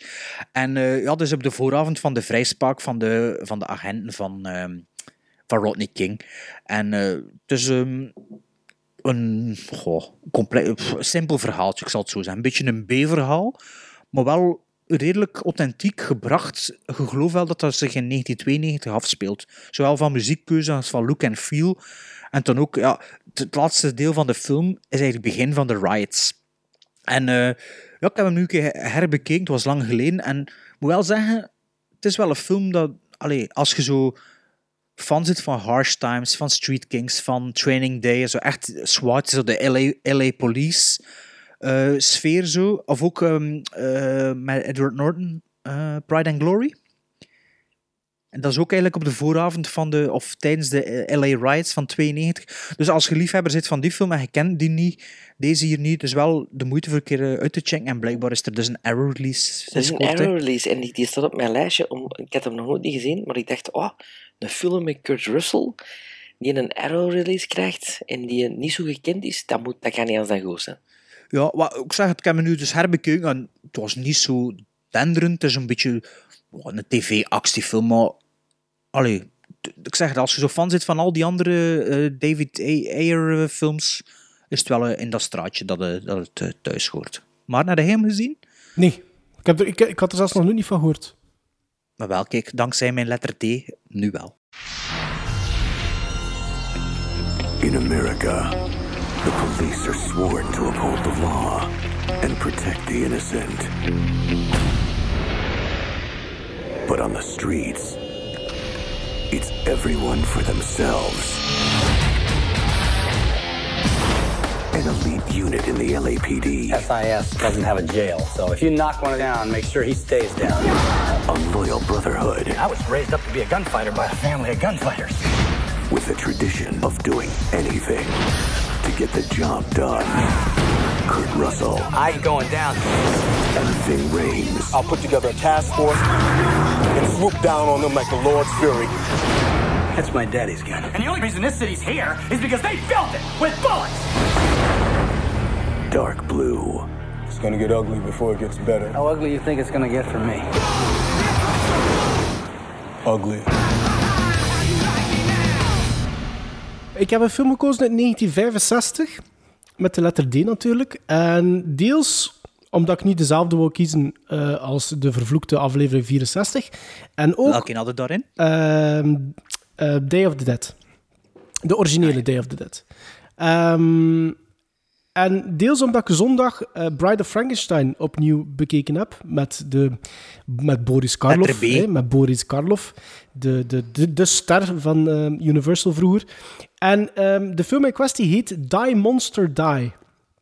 Uit 65. Met uitroepteken. Ja, ja, met een, ja, Ja, met. Eh, ik heb die Ik denk eigenlijk dat de gekozen... poster. Ah ja, gekozen omwille van het feit dat die grote Boris Karloff eh, erin eh, meedoet. Maar jammer genoeg is het misschien wel het enige lichtpuntje in deze horrorfilm. Tussen aanhalingstekens eigenlijk zelfs. Ehm, omdat dat eigenlijk meer een comedie is, wegens het ongelooflijke zwakke script. Eh, maar enkel en alleen daarom is het eigenlijk de moeite waard om die film toch één keer te zien. En zo te ontdekken wat dat die scenarist van de film, een zekere type genaamd Jerry Soul, die eerder nogthans aflevering van The Twilight Zone en The Outer Limits had geschreven. En vooral met het hoofdpersonage van Nick Adams aanvangt. Want die vent ziet in die film echt wel af. Door dat scenario. Het is eigenlijk een heel simpel verhaaltje. Het gaat over de Amerikaan Steven Reinhardt, die uitgenodigd wordt op het landgoed van zijn, van zijn vriendin Susan Whitley, met wie dat hij samen op de universiteit zat en waar dat hij een relatie mee begon. Maar de brief werd hem toegezonden door de moeder van Susan, die hij nog nooit heeft ontmoet, waarna dat hij gepakt en gezakt met de trein aankomt in een dorpje Ar- Arkham. En dan gaat hij naar dat landgoed en natuurlijk is er daar iets niet juist. Ehm, ik ga er eigenlijk... Arkham Asylum. Ja, maar, ja, ik dacht er ook aan toen ik het aan het neerschrijven was. Ehm Die Monster Die, het enige wat ik er nog over wil ehm, zeggen, is dat je de titel allerminst letterlijk mocht nemen. Maar gewoon het feit, als je het kunt, een keer naar bekijken, het is echt... Het is in het Duits of wat? Die, die die monster, monster, die. Die monster, die. nee, dat nu ook weer niet. Maar, allee, het is echt scenarioel zo zwak, dat het echt wel een keer de, de moeite is voor het ene keer te bekijken. Oké. Allee, ja. En dat je doen echt buiten Karloff geen bekende mensen niet mee. Eh, Toch niet super bekend, nee. Ik denk wel dat Is het die... van, die, van de die Hammerstal? Nee, nee, nee, nee. Nee, nee, nee, heeft Boris Karloff niet, hè. Ik denk wel dat Of die... ja, die... Boris Karloff heeft wel hammerfilms gedaan, zeker. Hè? Black Sunday of Black Sabbath, is dat niet met hem? Black Sunday alles Black niet. Sabbath is- Black ja. Sabbath, dat zou kunnen, maar dat, is, dat kan dat niet, ik weet het niet zeker. Ik denk wel Denk dat die wel, Nick Adams in Die Monster Die, die de mannelijke hoofdrolspeler is... Die Monster Die. Die, die Monster Die. Dat ik die ooit wel een keer ergens gezien heb, maar echt bekende acteurs, nee. You do too much of that shit, you know? Nothing exceeds like excess. Celebrity films. Eddie, Yeah. I know all about it. Yeah, you know all about what? About that girl. Six years ago. I know what you did to her. I can see your dirty fellows. Everyone will. Breasts, Mama. They're called breasts. I grew up in a tough neighborhood. And we used to say you can get further with a kind word and a gun than you can with just a kind word. I changed, and it didn't take no 30 years like your honor thought, but only five. That's right, sir. Five years. Yea, though I walk through the valley of evil, I shall fear no death, cause I'm the meanest motherfucker in the valley. I want you to get this fuck where he breathes. I want you to find this Nancy boy Elliot Ness. I want him dead. I want his family dead. I want his house burnt to the ground. I want to go to the middle of the night. I want to piss on his eggs.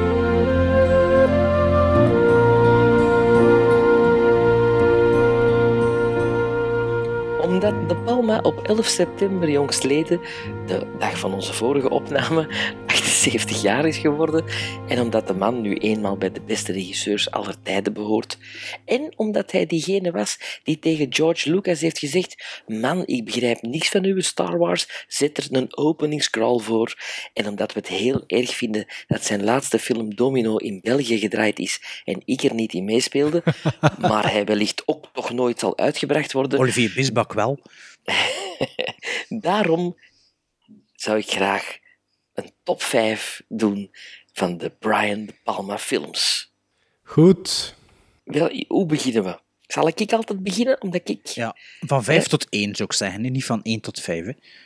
Nee, van 5 naar 1. Hè. Ja. Dus ik begin met 5 en dan doe Bart zijn 5 en dan doe Maarten zijn 5.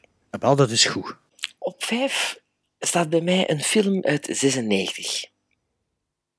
Hiermee heeft hij de franchise een nieuw leven ingeblazen. Alleen is te zeggen, het was eerst een tv-reeks en dan is het een filmfranchise geworden. Ik heb het over Mission Impossible, de originele eerste Tom Cruise Mission Impossible. Met Tom Cruise, Christian Scott Thomas, John 22 Voight, jaar geleden. Jean Reno, straf hè, echt straf hè.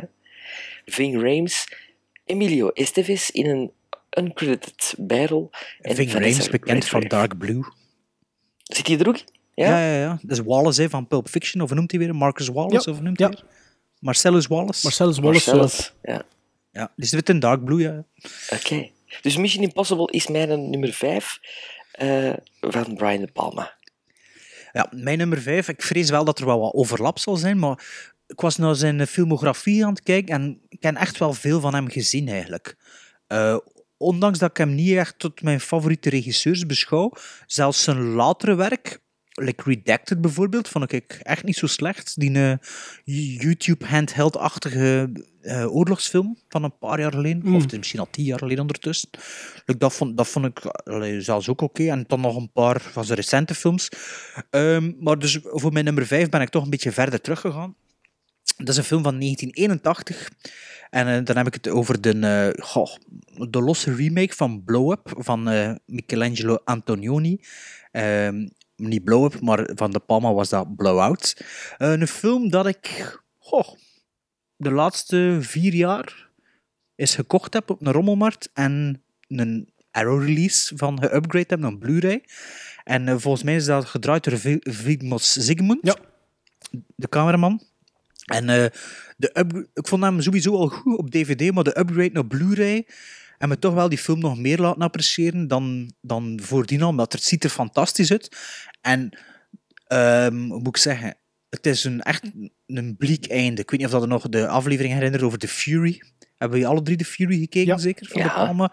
Ja. Wel, dus dat einde is een beetje blowout, maar op een andere manier natuurlijk. Wel zo'n eh, what the fuck einde. Ik En, ben eh, Blowout al twee keer beginnen kijken en, en twee keer afgezet. Maar als je de eerste twee minuten afzet, dat is een film in de film. Dus ik weet niet hoe lang dat het volgehouden hebt. Ja, ik heb het volgehouden totdat een, ja, een Travolta nog zoiets van Hilmer lustert dat niet, Hilmer lustert dat niet. Ja, het is wel geen evidente zit. In de, maar ehm, en dat is wel meer met de Palma. Ik denk wel dat dat een film is die beter wordt met elke, elke visie.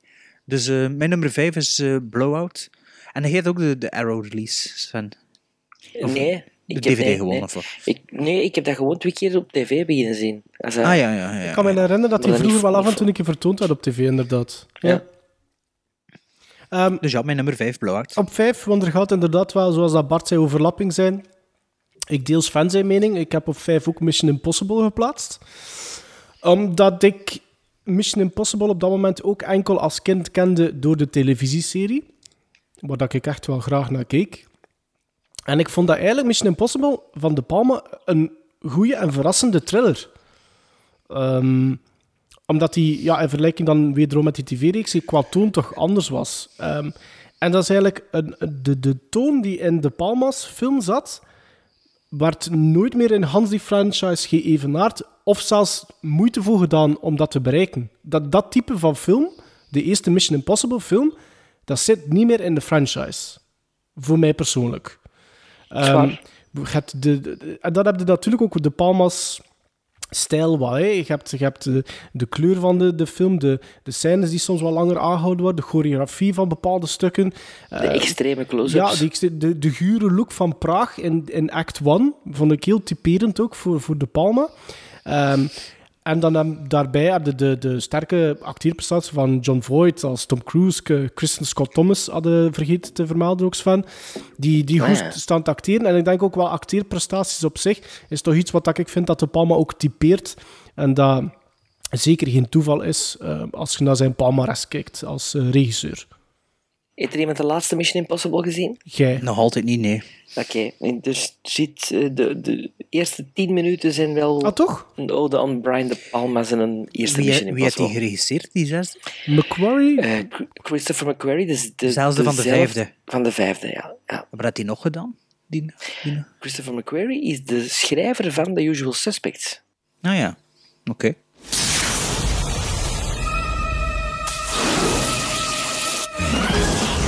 Simple game. Is he serious? Always. It's much worse than you think. We're being ambushed. Abort, that's an order.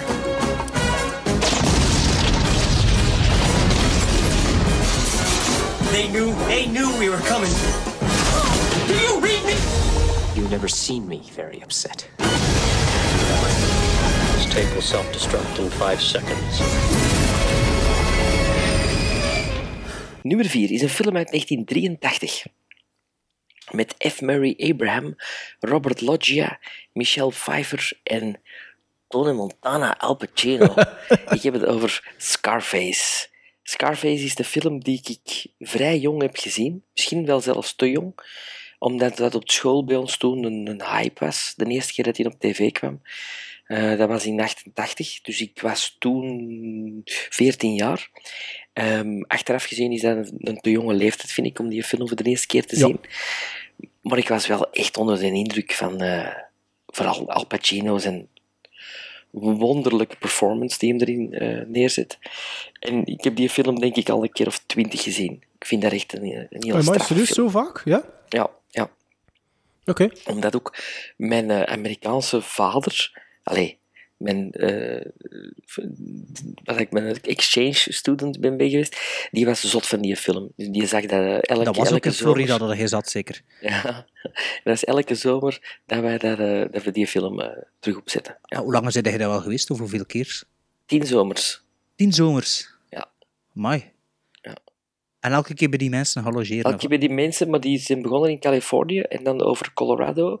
Dan is het terug naar Arizona gegaan en dan naar Florida. En nu jij elke keer gevolgd? terug. Elke en elke keer gevolgd, ja. Ja, ja oké, cool. Ja, tof. Ehm, mijn nummer vier is een film. ehm, ja, dat, dat, eh, dat ik ontdekt heb als jonge cinefiel en zo, waarbij dat het gevoel had van ja, ik heb hier iets ontdekt, zoiets een beetje gevaarlijk precies. Ehm, een beetje de Wolf of Wall Street van 1983. Met eh, Michelle, Michelle Pfeiffer en Al Pacino. Ik heb het dan over Scarface. Ehm, nummer vier, ja, dacht, moet dat misschien niet hoger staan, maar eigenlijk vind ik dat die film een beetje te lang duurt. En die film is zo'n beetje in de popcultuur ja, dat is een beetje, moet ik zeggen, die film is een beetje geabsorbeerd en Ja. een beetje van zijn kracht verloren. Die film kan daar niet aan doen, maar voor mij is dat een beetje van, allee, ze gaan, dat is zo de film dat, dat is zo, oh ja, dat klinkt dan misschien wat dat iemand dat niets van film weet, kent, kent die film wel en dweept er dan zo aan mee.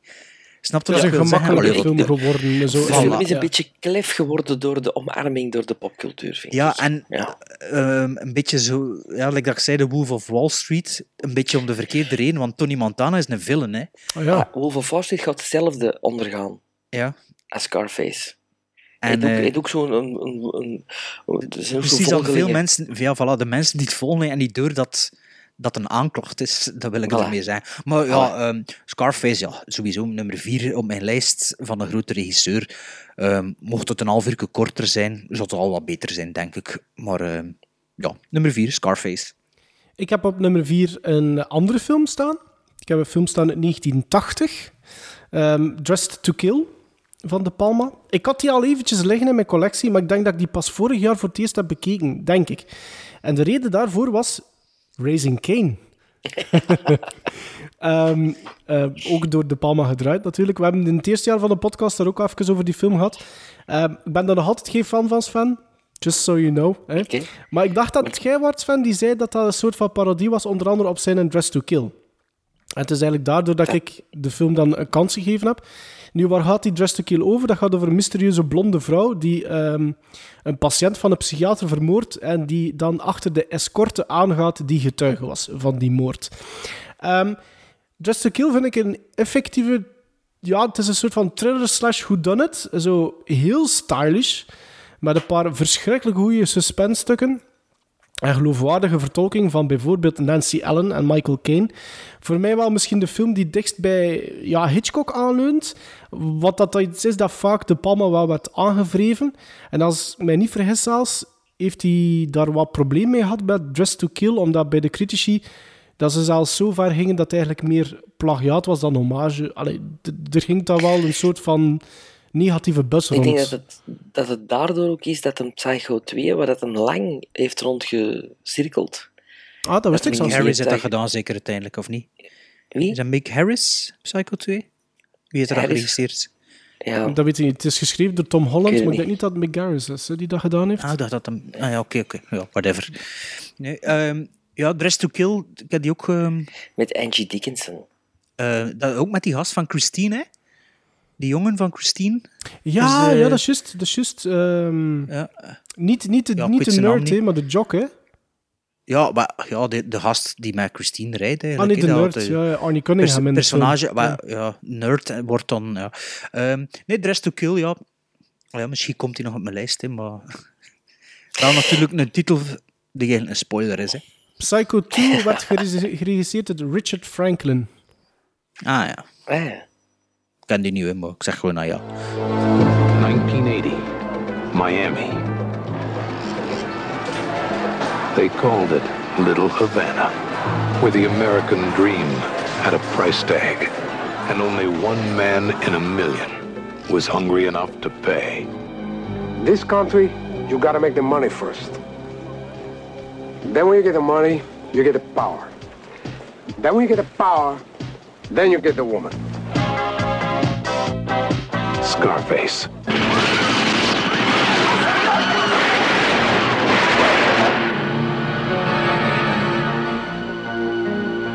Al Pacino is Scarface. He loved the American dream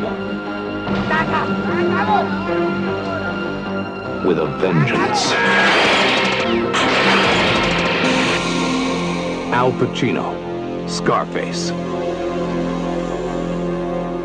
Op drie. Op drie staat bij mij een film uit 1990, waar ik ook al uitvoerig over heb gepraat eh, in deze podcast en ook met jullie. Want ik denk zelfs, ik denk zelfs dat het met een letter C was uit de movie Alphabet. Namelijk Casualties of War. Een film met Michael G. Fox, Sean Penn, John Leguizamo, John C. Reilly, Ving Rhames zit daar ook in. En prachtige De, muziek. de rode draad in de aflevering. Ja, Ja, Allee, de zwarte draad. En prachtige muziek van Ennio Morricone ook. Casualties of War is bij mij zelfs, denk ik, ehm, top drie beste Vietnamfilms aller tijden. Oké, dus Platoon en ehm, Apop- Apocalypse Now? Born on the, Nee. nee, nee, Born on the 4th of July en Apocalypse Now. Oké. En Mississippi En- en Burning. deze. Welk? En Mississippi Burning. Dat is toch geen Vietnamfilm? Maar die, ja. Ehm, mijn nummer drie is niet Casualties of War, want we hebben het er ook in het verleden al over gehad. En je weet dat ik niet zo'n grote fan ben van die film. Nee, mijn nummer drie is eigenlijk de. eh, zoals dat de Grand Canyon het vervolg is op The Big Chill, is deze film eigenlijk het vervolg op Scarface. Ehm het is een film van 1993, ook met Al Pacino. En dan heb ik het over. eh, ja, noemt hij weer? Carlito, Carlito. zeker, hè? Carlito's Ja. Way. Ehm, dat is zo'n film die ik zelf op mijn eigen ontdekt heb. Also, ja, like dat ik zeg dat de Scarface is zo de makkelijke film die je vindt. Carlito's Way is dan een film dat ik zo, ja, zonder er echt over te lezen, zo wel ontdekt heb. En dat, het- dat ik eigenlijk ook beter vind dan Scarface, omdat die compacter is. En omdat die... Allee, je doet nog altijd meer dan twee uur, hè, twee uur twintig of dertig of zo, dacht ik. Maar ook Champagne... eh, is het Champagne? Ja, Champagne. Ja. David Kleinveld. Ja, die, die, die een Joodse eh, advocaat speelde.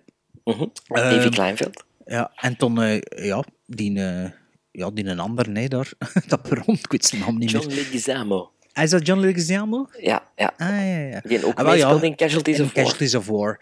Ehm, dus ja, mijn nummer drie, Carlitos Way, ehm, omdat ik dat ja, een betere film vind dan eh, Scarface.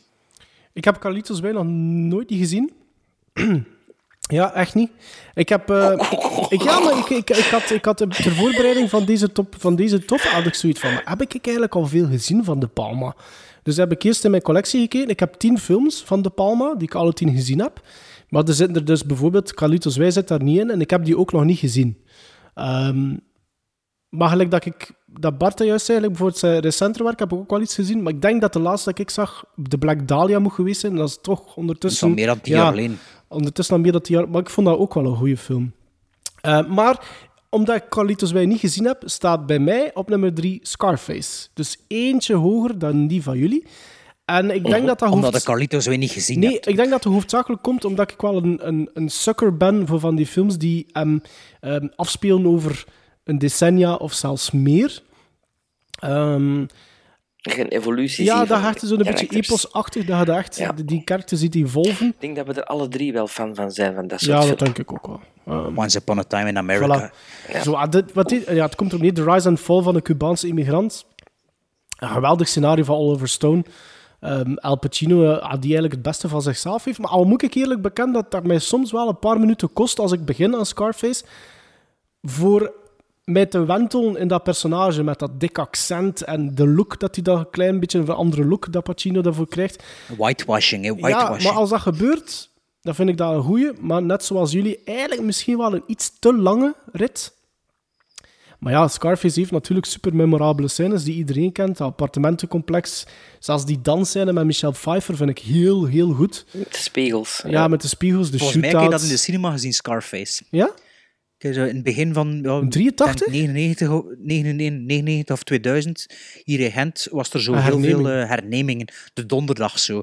Ik heb zo Raging Bull op groot scherm gezien. Ehm, goh, wat, pff, nog, nog een keer iets dat we het al over hadden. En eh, Scarface ook. Maar zo Beetje gele Shining samen ondertitels. Ja. ja, Maar met gele ondertitels was dat nog, eh, als ik me goed herinner. Dus kijk, bij mij dus eentje hoger, eentje hoger dan jullie staat Scarface op drie bij mij. Because each of us might be blown away, everybody's acting like we can do anything, man. You think you're standing up to me? Ah! You probably like the army, don't you, Erickson? This ain't the army, Sarge.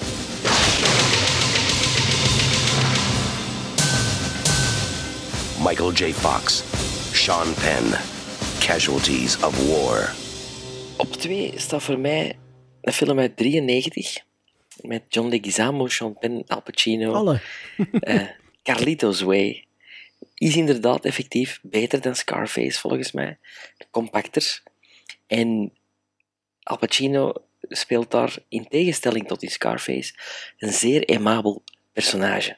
Personage waar je van in het begin voelt van wauw, ik, ik heb die mens geren en och arme die mensen die, die gerokt in een situatie tegen wil en dank waar dat hem dan eigenlijk niet meer Right when I was out, they pulled me right back in. Ja, dat is Godfather 3, hè? Ja, ja, ik weet het, ik weet het. Just, just when I was out, they pulled me right back in.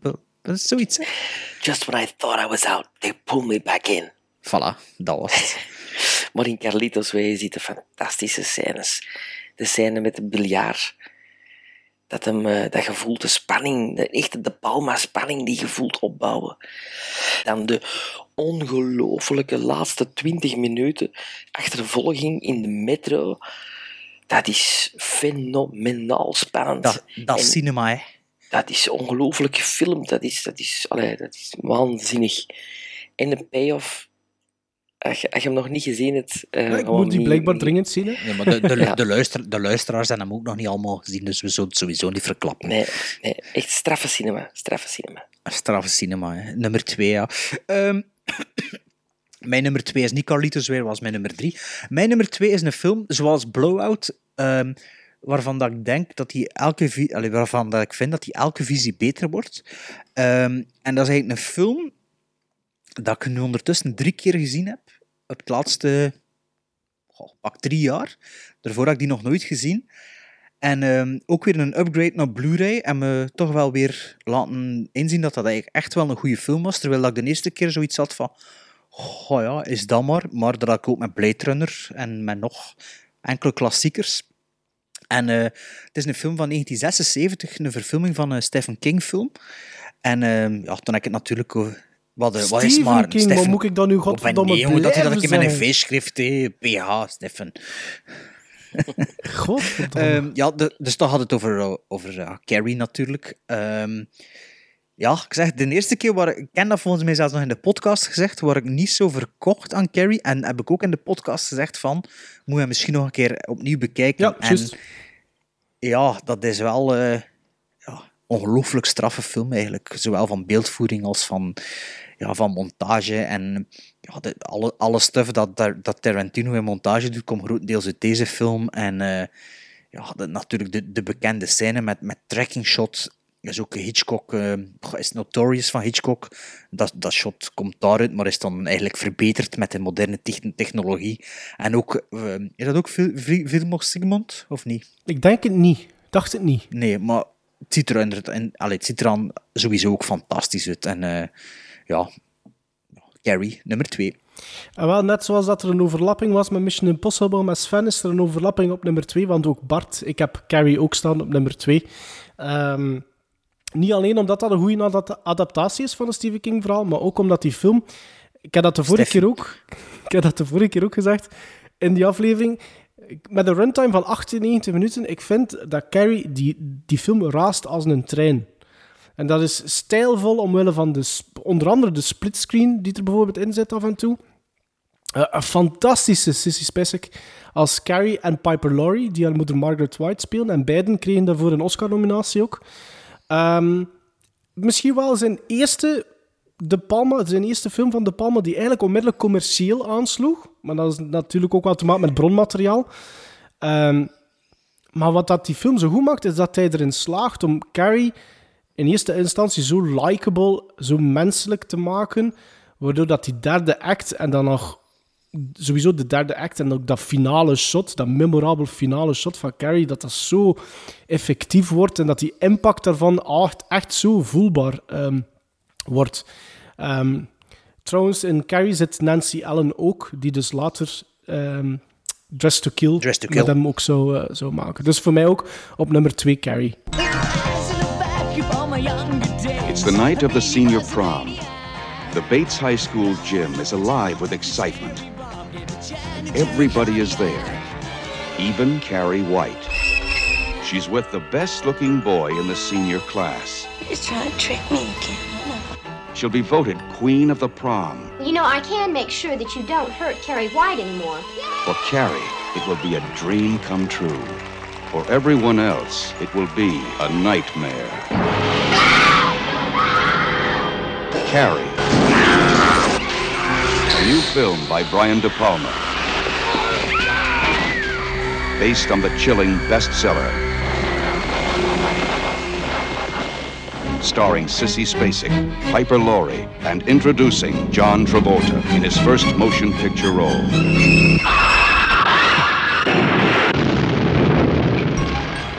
If you have a taste for terror,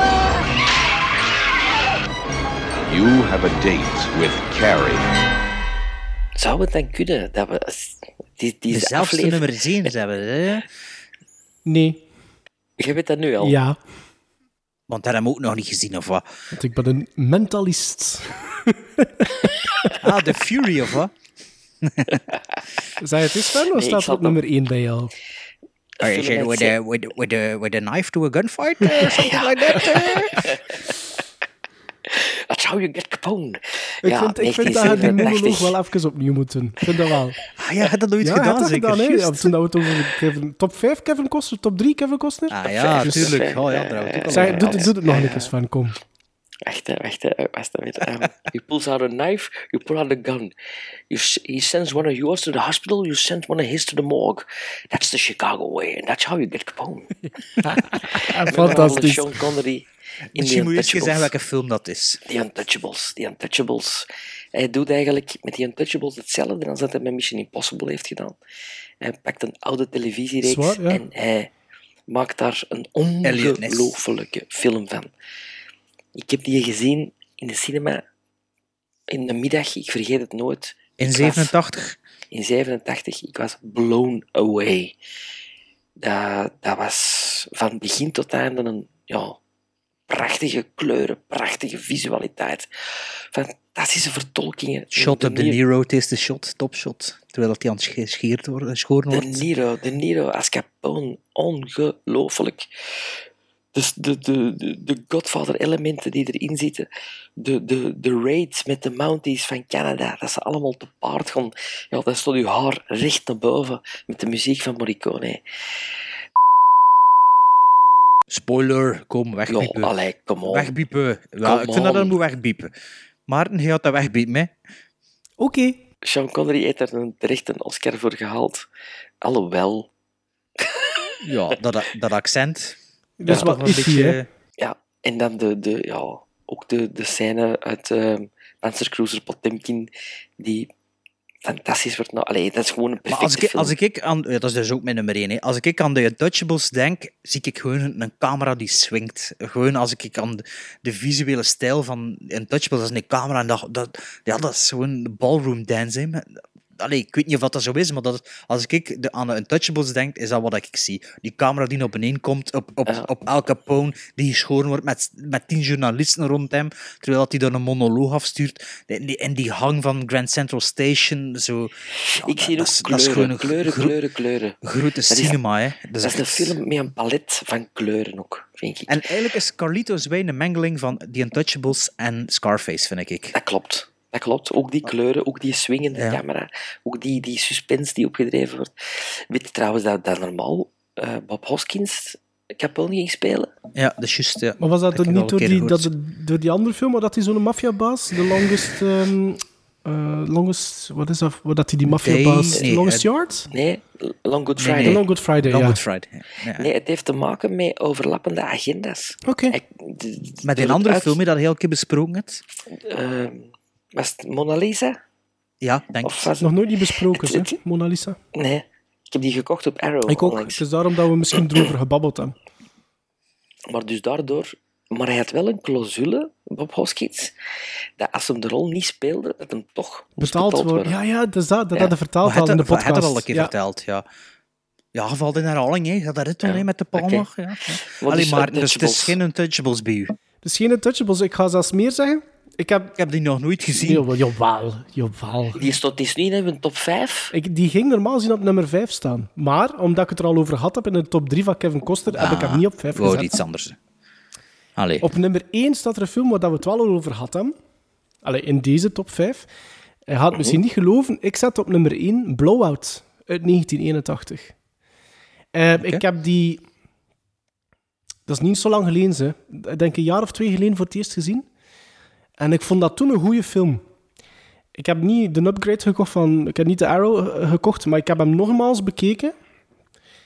En, En wordt beter met de tweede Dat is een hele, hele sterke film. Dat is echt een hele goede film. En omdat hij bij mij op nummer 1 staat, ga ik gewoon kort, scha- allee, kort zeggen over wat dat gaat. Dus dat gaat over een audio-engineer, een film-audio-engineer, vertolkt door John Travolta. Ehm, eh, van films dus die op een avond, eh, waar dat hij eigenlijk natuurgeluiden probeert te recorden voor de film waar dat hij mee bezig is, per ongeluk het geluid opvangt, een knal eigenlijk. En dus Een soort records, Zapruder film, hè? ja, en dus opneemt van een auto-ongeluk in de buurt. En hij staat op dat moment staat hij op een brug en hij kan eigenlijk niet goed zien wat dat er gebeurt. Nu, op het eerste ogenblik doet iedereen dat af als een, ja, een echt gewoon, een stom ongeluk, een autoband die knalt, waardoor dat de inzittende de controle verliest, die wagen in de rivier sukkelt en eh, de inzittende verdrinkt. Maar John Travolta vermoedt dus dat het eigenlijk om moord gaat en daardoor komt hij plots zelf in gevaar. En wouldn't you know it, Nancy Allen, opnieuw de vrouwelijke hoofdrol in Blauwout, doet dat verschrikkelijk goed. John Travolta speelt immens goed. John Lithgow in een klein rolletje maakt ook zijn opwachten in Blowout.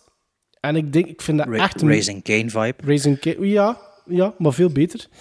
Ehm, ik was eigenlijk redelijk blown away toen dat ik die film voor het eerst zag al. En toen dat Moet ik je hem, toch eens dringend uitzien. ja, en toen dat ik hem nog een keer bekeken had, ja... Toen Ja, ik denk dat dat met de meeste De Palma-films is die, allee, met de goeie, allee, met allemaal misschien, als je ze meer ziet, dan zou het toch wel Ja. altijd beter worden. Casualties of War vond ik ook niet zo goed. Ik heb hem nog maar één keer gezien, maar Mhm. dat was meer door de ik personages, wist denk ik wel. zeker, toen dat, toen dat Sven zei, we doen een top 5 Brian De Palma, was dat de eerste film die direct in mijn, in, in mijn gedachten, niet alleen dat, maar ook de, de eerste film dat ik zei van, ah, ik wil die eigenlijk nog een keer zien. Dus daarom heb ik hem onmiddellijk op, eh, op één gezet bij mij. Oh ja, maar pas op, The Untouchables is voor mij wel zo'n film. Je begint er zo te kijken en je ik heb dat al een keer gezegd, en je zit een uur ver voordat het beseft. Hè. En gisteren was ik dat hier aan het voorbereiden en dacht ik ook van. eh, ja, Nog ik een wil, keer. Ik wil eigenlijk naar die Untouchables kijken. Ja. En, eh, ik heb dat ook, allee, ja. het, is, het is echt, ja. Dus ja, grote cinema. hè. En toch, er- staat van regisseur, hè.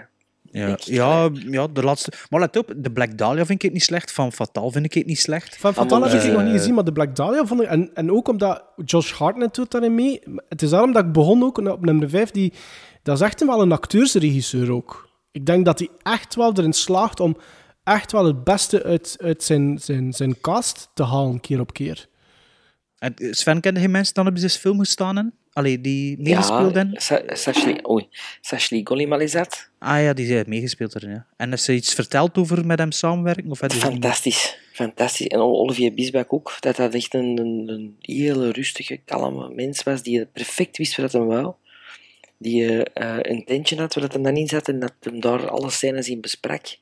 Met de acteurs of met de, met, met, met de stuntcoördinator. En ja, ik hoor er alleen maar toffe dingen over. En, en spijtig dat die film heel waarschijnlijk niet zal uitgebracht worden. En hoe komt dat? Ja, door door fin- financing... Eh, plagiaat of zoiets, niet? Er zijn veel mensen nog niet betaald. Dat ons het zo Ah, ja, zeggen. oké. Maar daar heeft Brian De Palma niets mee te maken. Nee, ja, maar dat is uiteindelijk dan wel de... Ja, Ja, maar ja, voordat we hier een klacht aan ons been hebben van Brian De Palma, omdat Gremlin Strike Back eh, slechte dingen vertelt over Brian De Palma. Hey, Allee, ja. Onze top we 5 van hem Brian De. Palma. Eh, eh, Ja, maar ja, We love- zeg we maar, love ja, Brian De Hans Palma. top 5, men al een keer de Fury besproken, men al een keer... eh, allee, Untouchables is ook al... Raising En, en Kane, Raising die- Kane, dat is Ja, allemaal aan ja, bod ja. gekomen. Hè, ja. Dat is eigenlijk, eigenlijk een, eh, hoe zeg je dat, een patroonheilige van ons. Ja.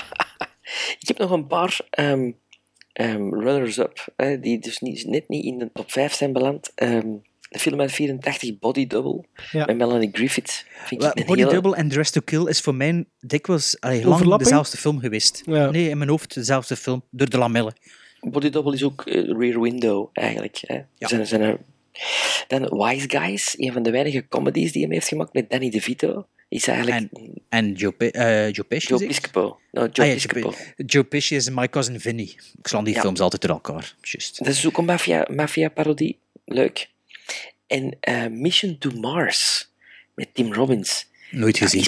Dat is, die heeft lang op nummer 5 gestaan bij mij. En ik was aan het denken, maar kan ik het nou maken van Mission Impossible er niet in te zetten? Maar dus, dus een inwisselbare Mission to Mars. Dat is heel straffe cinema, vind ik. Dat is een beetje de, de Palmas in een 2001. Zeer eh, ehm, eh, esoterisch.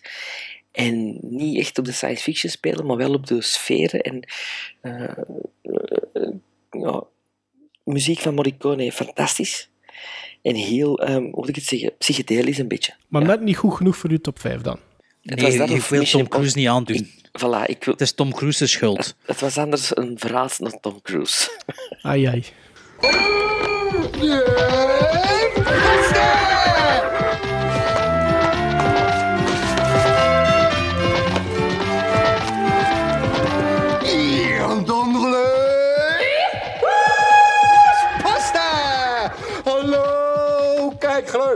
Ook deze maand een enorme bergpost. Dus ga door naar de eer- eer- eer- eerste brieven. Ehm, ik heb hier juist een mail gekregen. Stefan Doge. En, allee, ja, ik heb het juist gekregen, hè. Top 5 Brian De Palma is een subject. Dus anders lees ik die mail keer voor. Hè. Ja, een time- tie-in en timing zelfs. Hi Gremlins, voor Sven Tember moeten jullie een top 5 maken van Brian De Palma films. Laat ik nu zelf ook een grote liefhebber zijn van topjes. En kan ik de drang om zelf een top 5 te maken niet weerstaan. Weet je wat, jong? Doe dan er zelf een podcast, dan kunnen we naar u luisteren ook. Om de Joker te citeren uit The Dark Knight en Here We Go. Op 1. Ah ja, het is van ah, nee, 1 tot, maar we moeten, we moeten dan 1 ook, tot we 5. moeten dan ook doen van 5 naar 1, hè. Maar, maar kan ik eens zien of dat hij misschien verkeerd genummerd heeft? Ik denk dat, dat nummer 1 bij hem zijn nummer 5 is, als ik het zo lees. Ja? Ah, ja, het kan zijn, hè, Bart. Ja, ik weet het niet, hè. Ja, ik ben aan het zien. Nee, het lijkt me logischer. niet, denk ik niet. Nee? Nee. Allee, ja. Dus, dus we beginnen dan van 5 naar 1. Weet, je hebt die mails daar ook bij u. Ik ga nummer 5 lezen en toen iemand anders nummer 4. Op 5 Carrie, of op nummer 1, dat weten we niet. Als ware Stephen King fan, Stephen, of noemt het, noemt het Nee, maar? nee, maar ja, doe maar door, Bart. Ste Step, step, Stephen King van.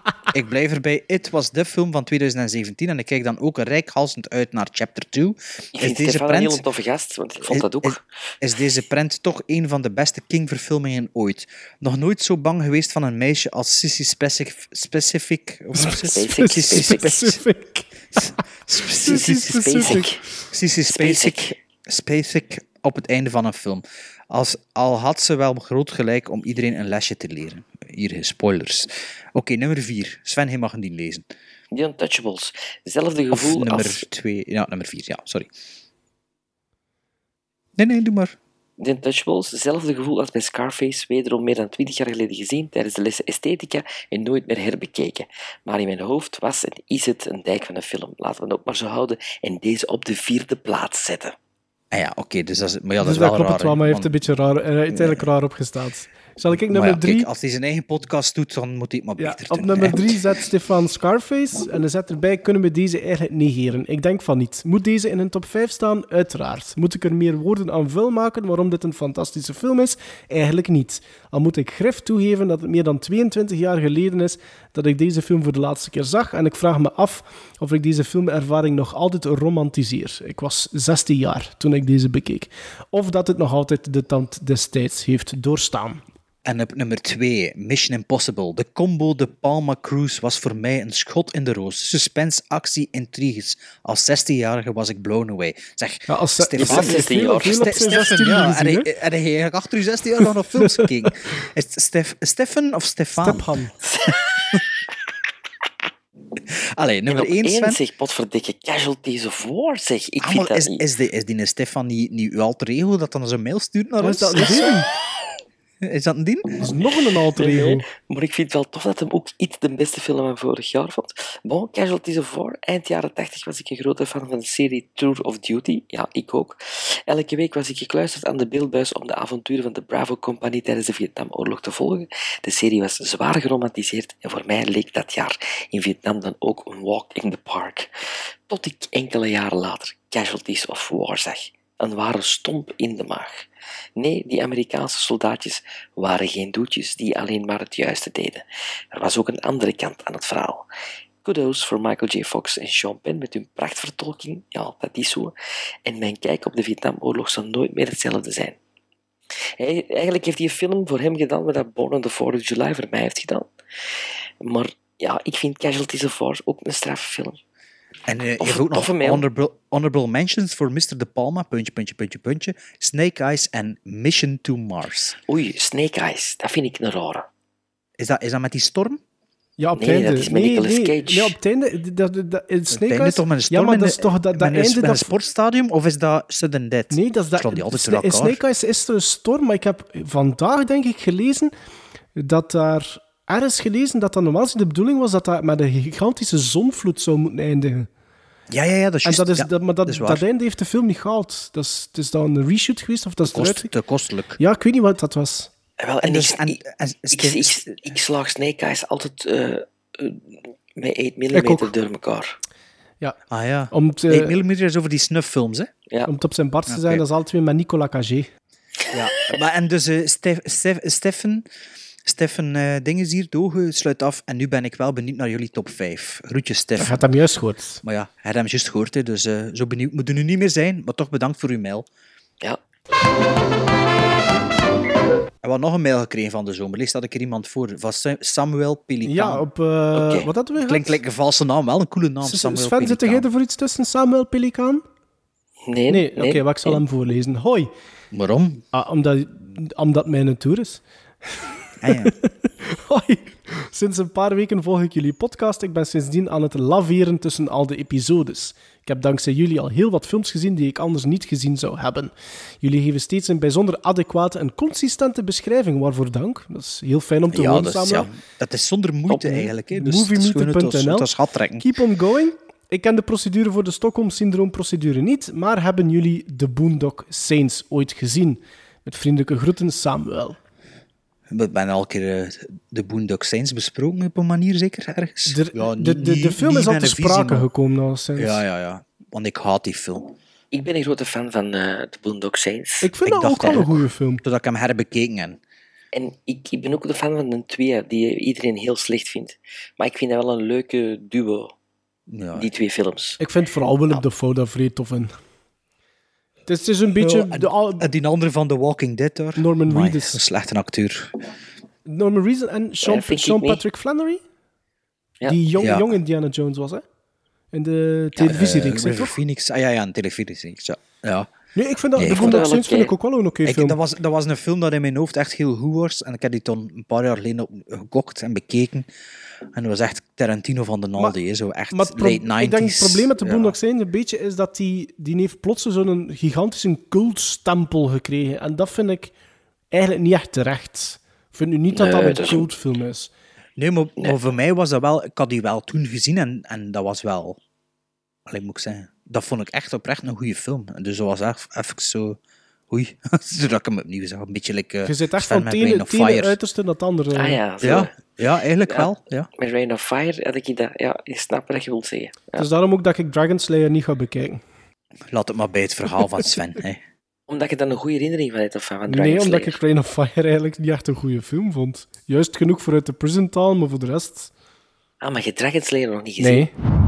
Gremlins strike back. Ja, ik vond het, eh, ik vond het heerlijk om twee afleveringen te mogen eh, dicteren aan jullie. Sven Timber, ik vond het plezant. Eh, en nu geef ik de fakkel terug over aan Ja, Bart geef, Duitse. hem, ja, geef hem maar langs hier, want eh, ik heb er echt lastig gehad, ze, die twee heeft- man. Oh jongens, de Bart heeft hier nog zitten Ja, kijken. hè. Eh, Ja, het is, dus eerst, eerst moet ik al jullie een, een eigen aflevering geven in de zomer en dan mag ik er zelf niks meer over zeggen achter de zomer. Maar nu echt, nu pak ik het heft terug in handen. Voor de volgende aflevering, eigenlijk was dit aflevering 70 en wat hebben we in het verleden gedaan in, met, vanaf aflevering, aflevering 50 zijn we op schoolreis geweest naar de jaren 50 en naar de jaren 60. En nu voor de 70ste aflevering, ik dacht ik zal het niet zeggen tegen Sven, we zullen wel zien wat hij doet, maar ja, Sven heeft het dus niet gedaan. Dus de volgende aflevering gaan we op schoolreis naar 1971. Dus eh, we doen wat we normaal met, met de ronde getallen doen, maar nu doen we het voor 71. En omdat hij er... Sven, ik ken acht films van u moeten bekijken en Maarten, je wordt ermee akkoord, dus ik ga ik nu een keer drie films aan jullie alle twee geven. Ik wou natuurlijk, het wordt zijn aflevering. Ja, nee, dus eh, drie films dat we alle drie gaan bekijken. En met wat chance hebben we ze alle drie nog nooit gezien. En ehm, dus eh, het zijn drie films van 1971 en we doen toch nog iets met 1971 of de jaren 70, maar dat bedenken we toch wel nog een keer eh, apart. Maar er zijn dus drie films dat we gaan kijken. En ik heb er ook op gelet dat ze niet langer dan twee uur duren. Dat is En, goed. Ah, kijk, ik heb gewoon de titels opgeschreven en ik dacht, ik ga nog een keer opzoeken waarover dat, alleen van wie en wat dat is. De eerste film dat we allemaal samen gaan kijken is 10 Rel- Rellington Place. Gezien? Met Peter O'Toole? Nee, met Richard Attenborough. Ah ja, Richard Attenborough. Dan is de volgende met Peter O'Toole. Of hoe noemt hij weer die acteur? Ik heb Ten Rillington Place eh, nog niet zo lang gezien, maar ik wil die zeker terugzien. De volgende film is een film dat een beetje eh, op uw boot daar eh, van toepassing kan zijn. Dat is Murphy's War. Dat is met eh Peter Nee, O'Toole. niet Murphy's. Law, hè? Murphy's nee, nee, War. Murphy's War. En de derde film is een film van eh, Alan J. Pakula. Pakula? Pakula. De eerste film van DOP Gordon Willis. En dat is Klute. Dus eh, een, en Hense, een lokale. Hense film. Een- ik weet niet, eh, hebben jullie die films al gezien? Nee, Die drie? alle drie niet. Ik heb, ik heb de, eerste, de eerste heb ik gezien. Ah, wel, voilà, kijk. Dus dat wordt er een ontmaagding van twee voor u, Sven, en voor Maarten en ik. Voor alle drie.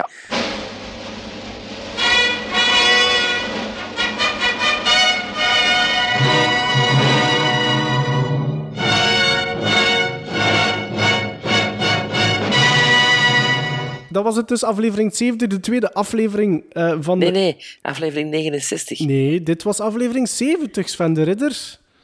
Ja, ja, ik weet het. Het was september. Je hebt u niet bezig gehouden met de cijfertjes. Ik snap het. ju- Ik begrijp gezegd het. dat we naar aflevering 71 gaan, omdat het juist aflevering 70 was, dat je niet kunt...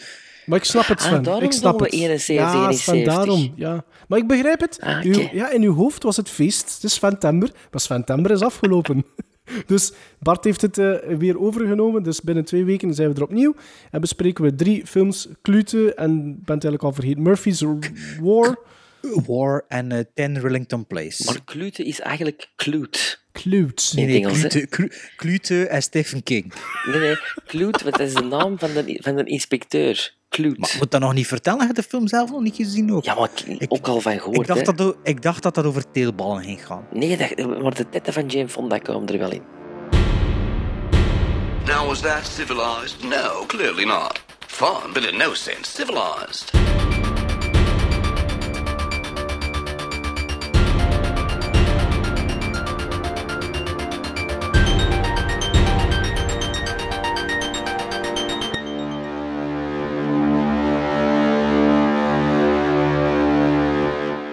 Omdat De Palma op 11 september jongstleden, toen onze vorige aflevering online kwam, 78 jaar is geworden. 79 was het niet 79? Nee, 78. Nou, de vorige keer had je 79 gezegd. Is echt? Dat is van 40. Ah ja, hij had 79 gezegd. Ja, maar, Maar is dus- na 78. 78 geworden, oké. Dat is te beter voor hem.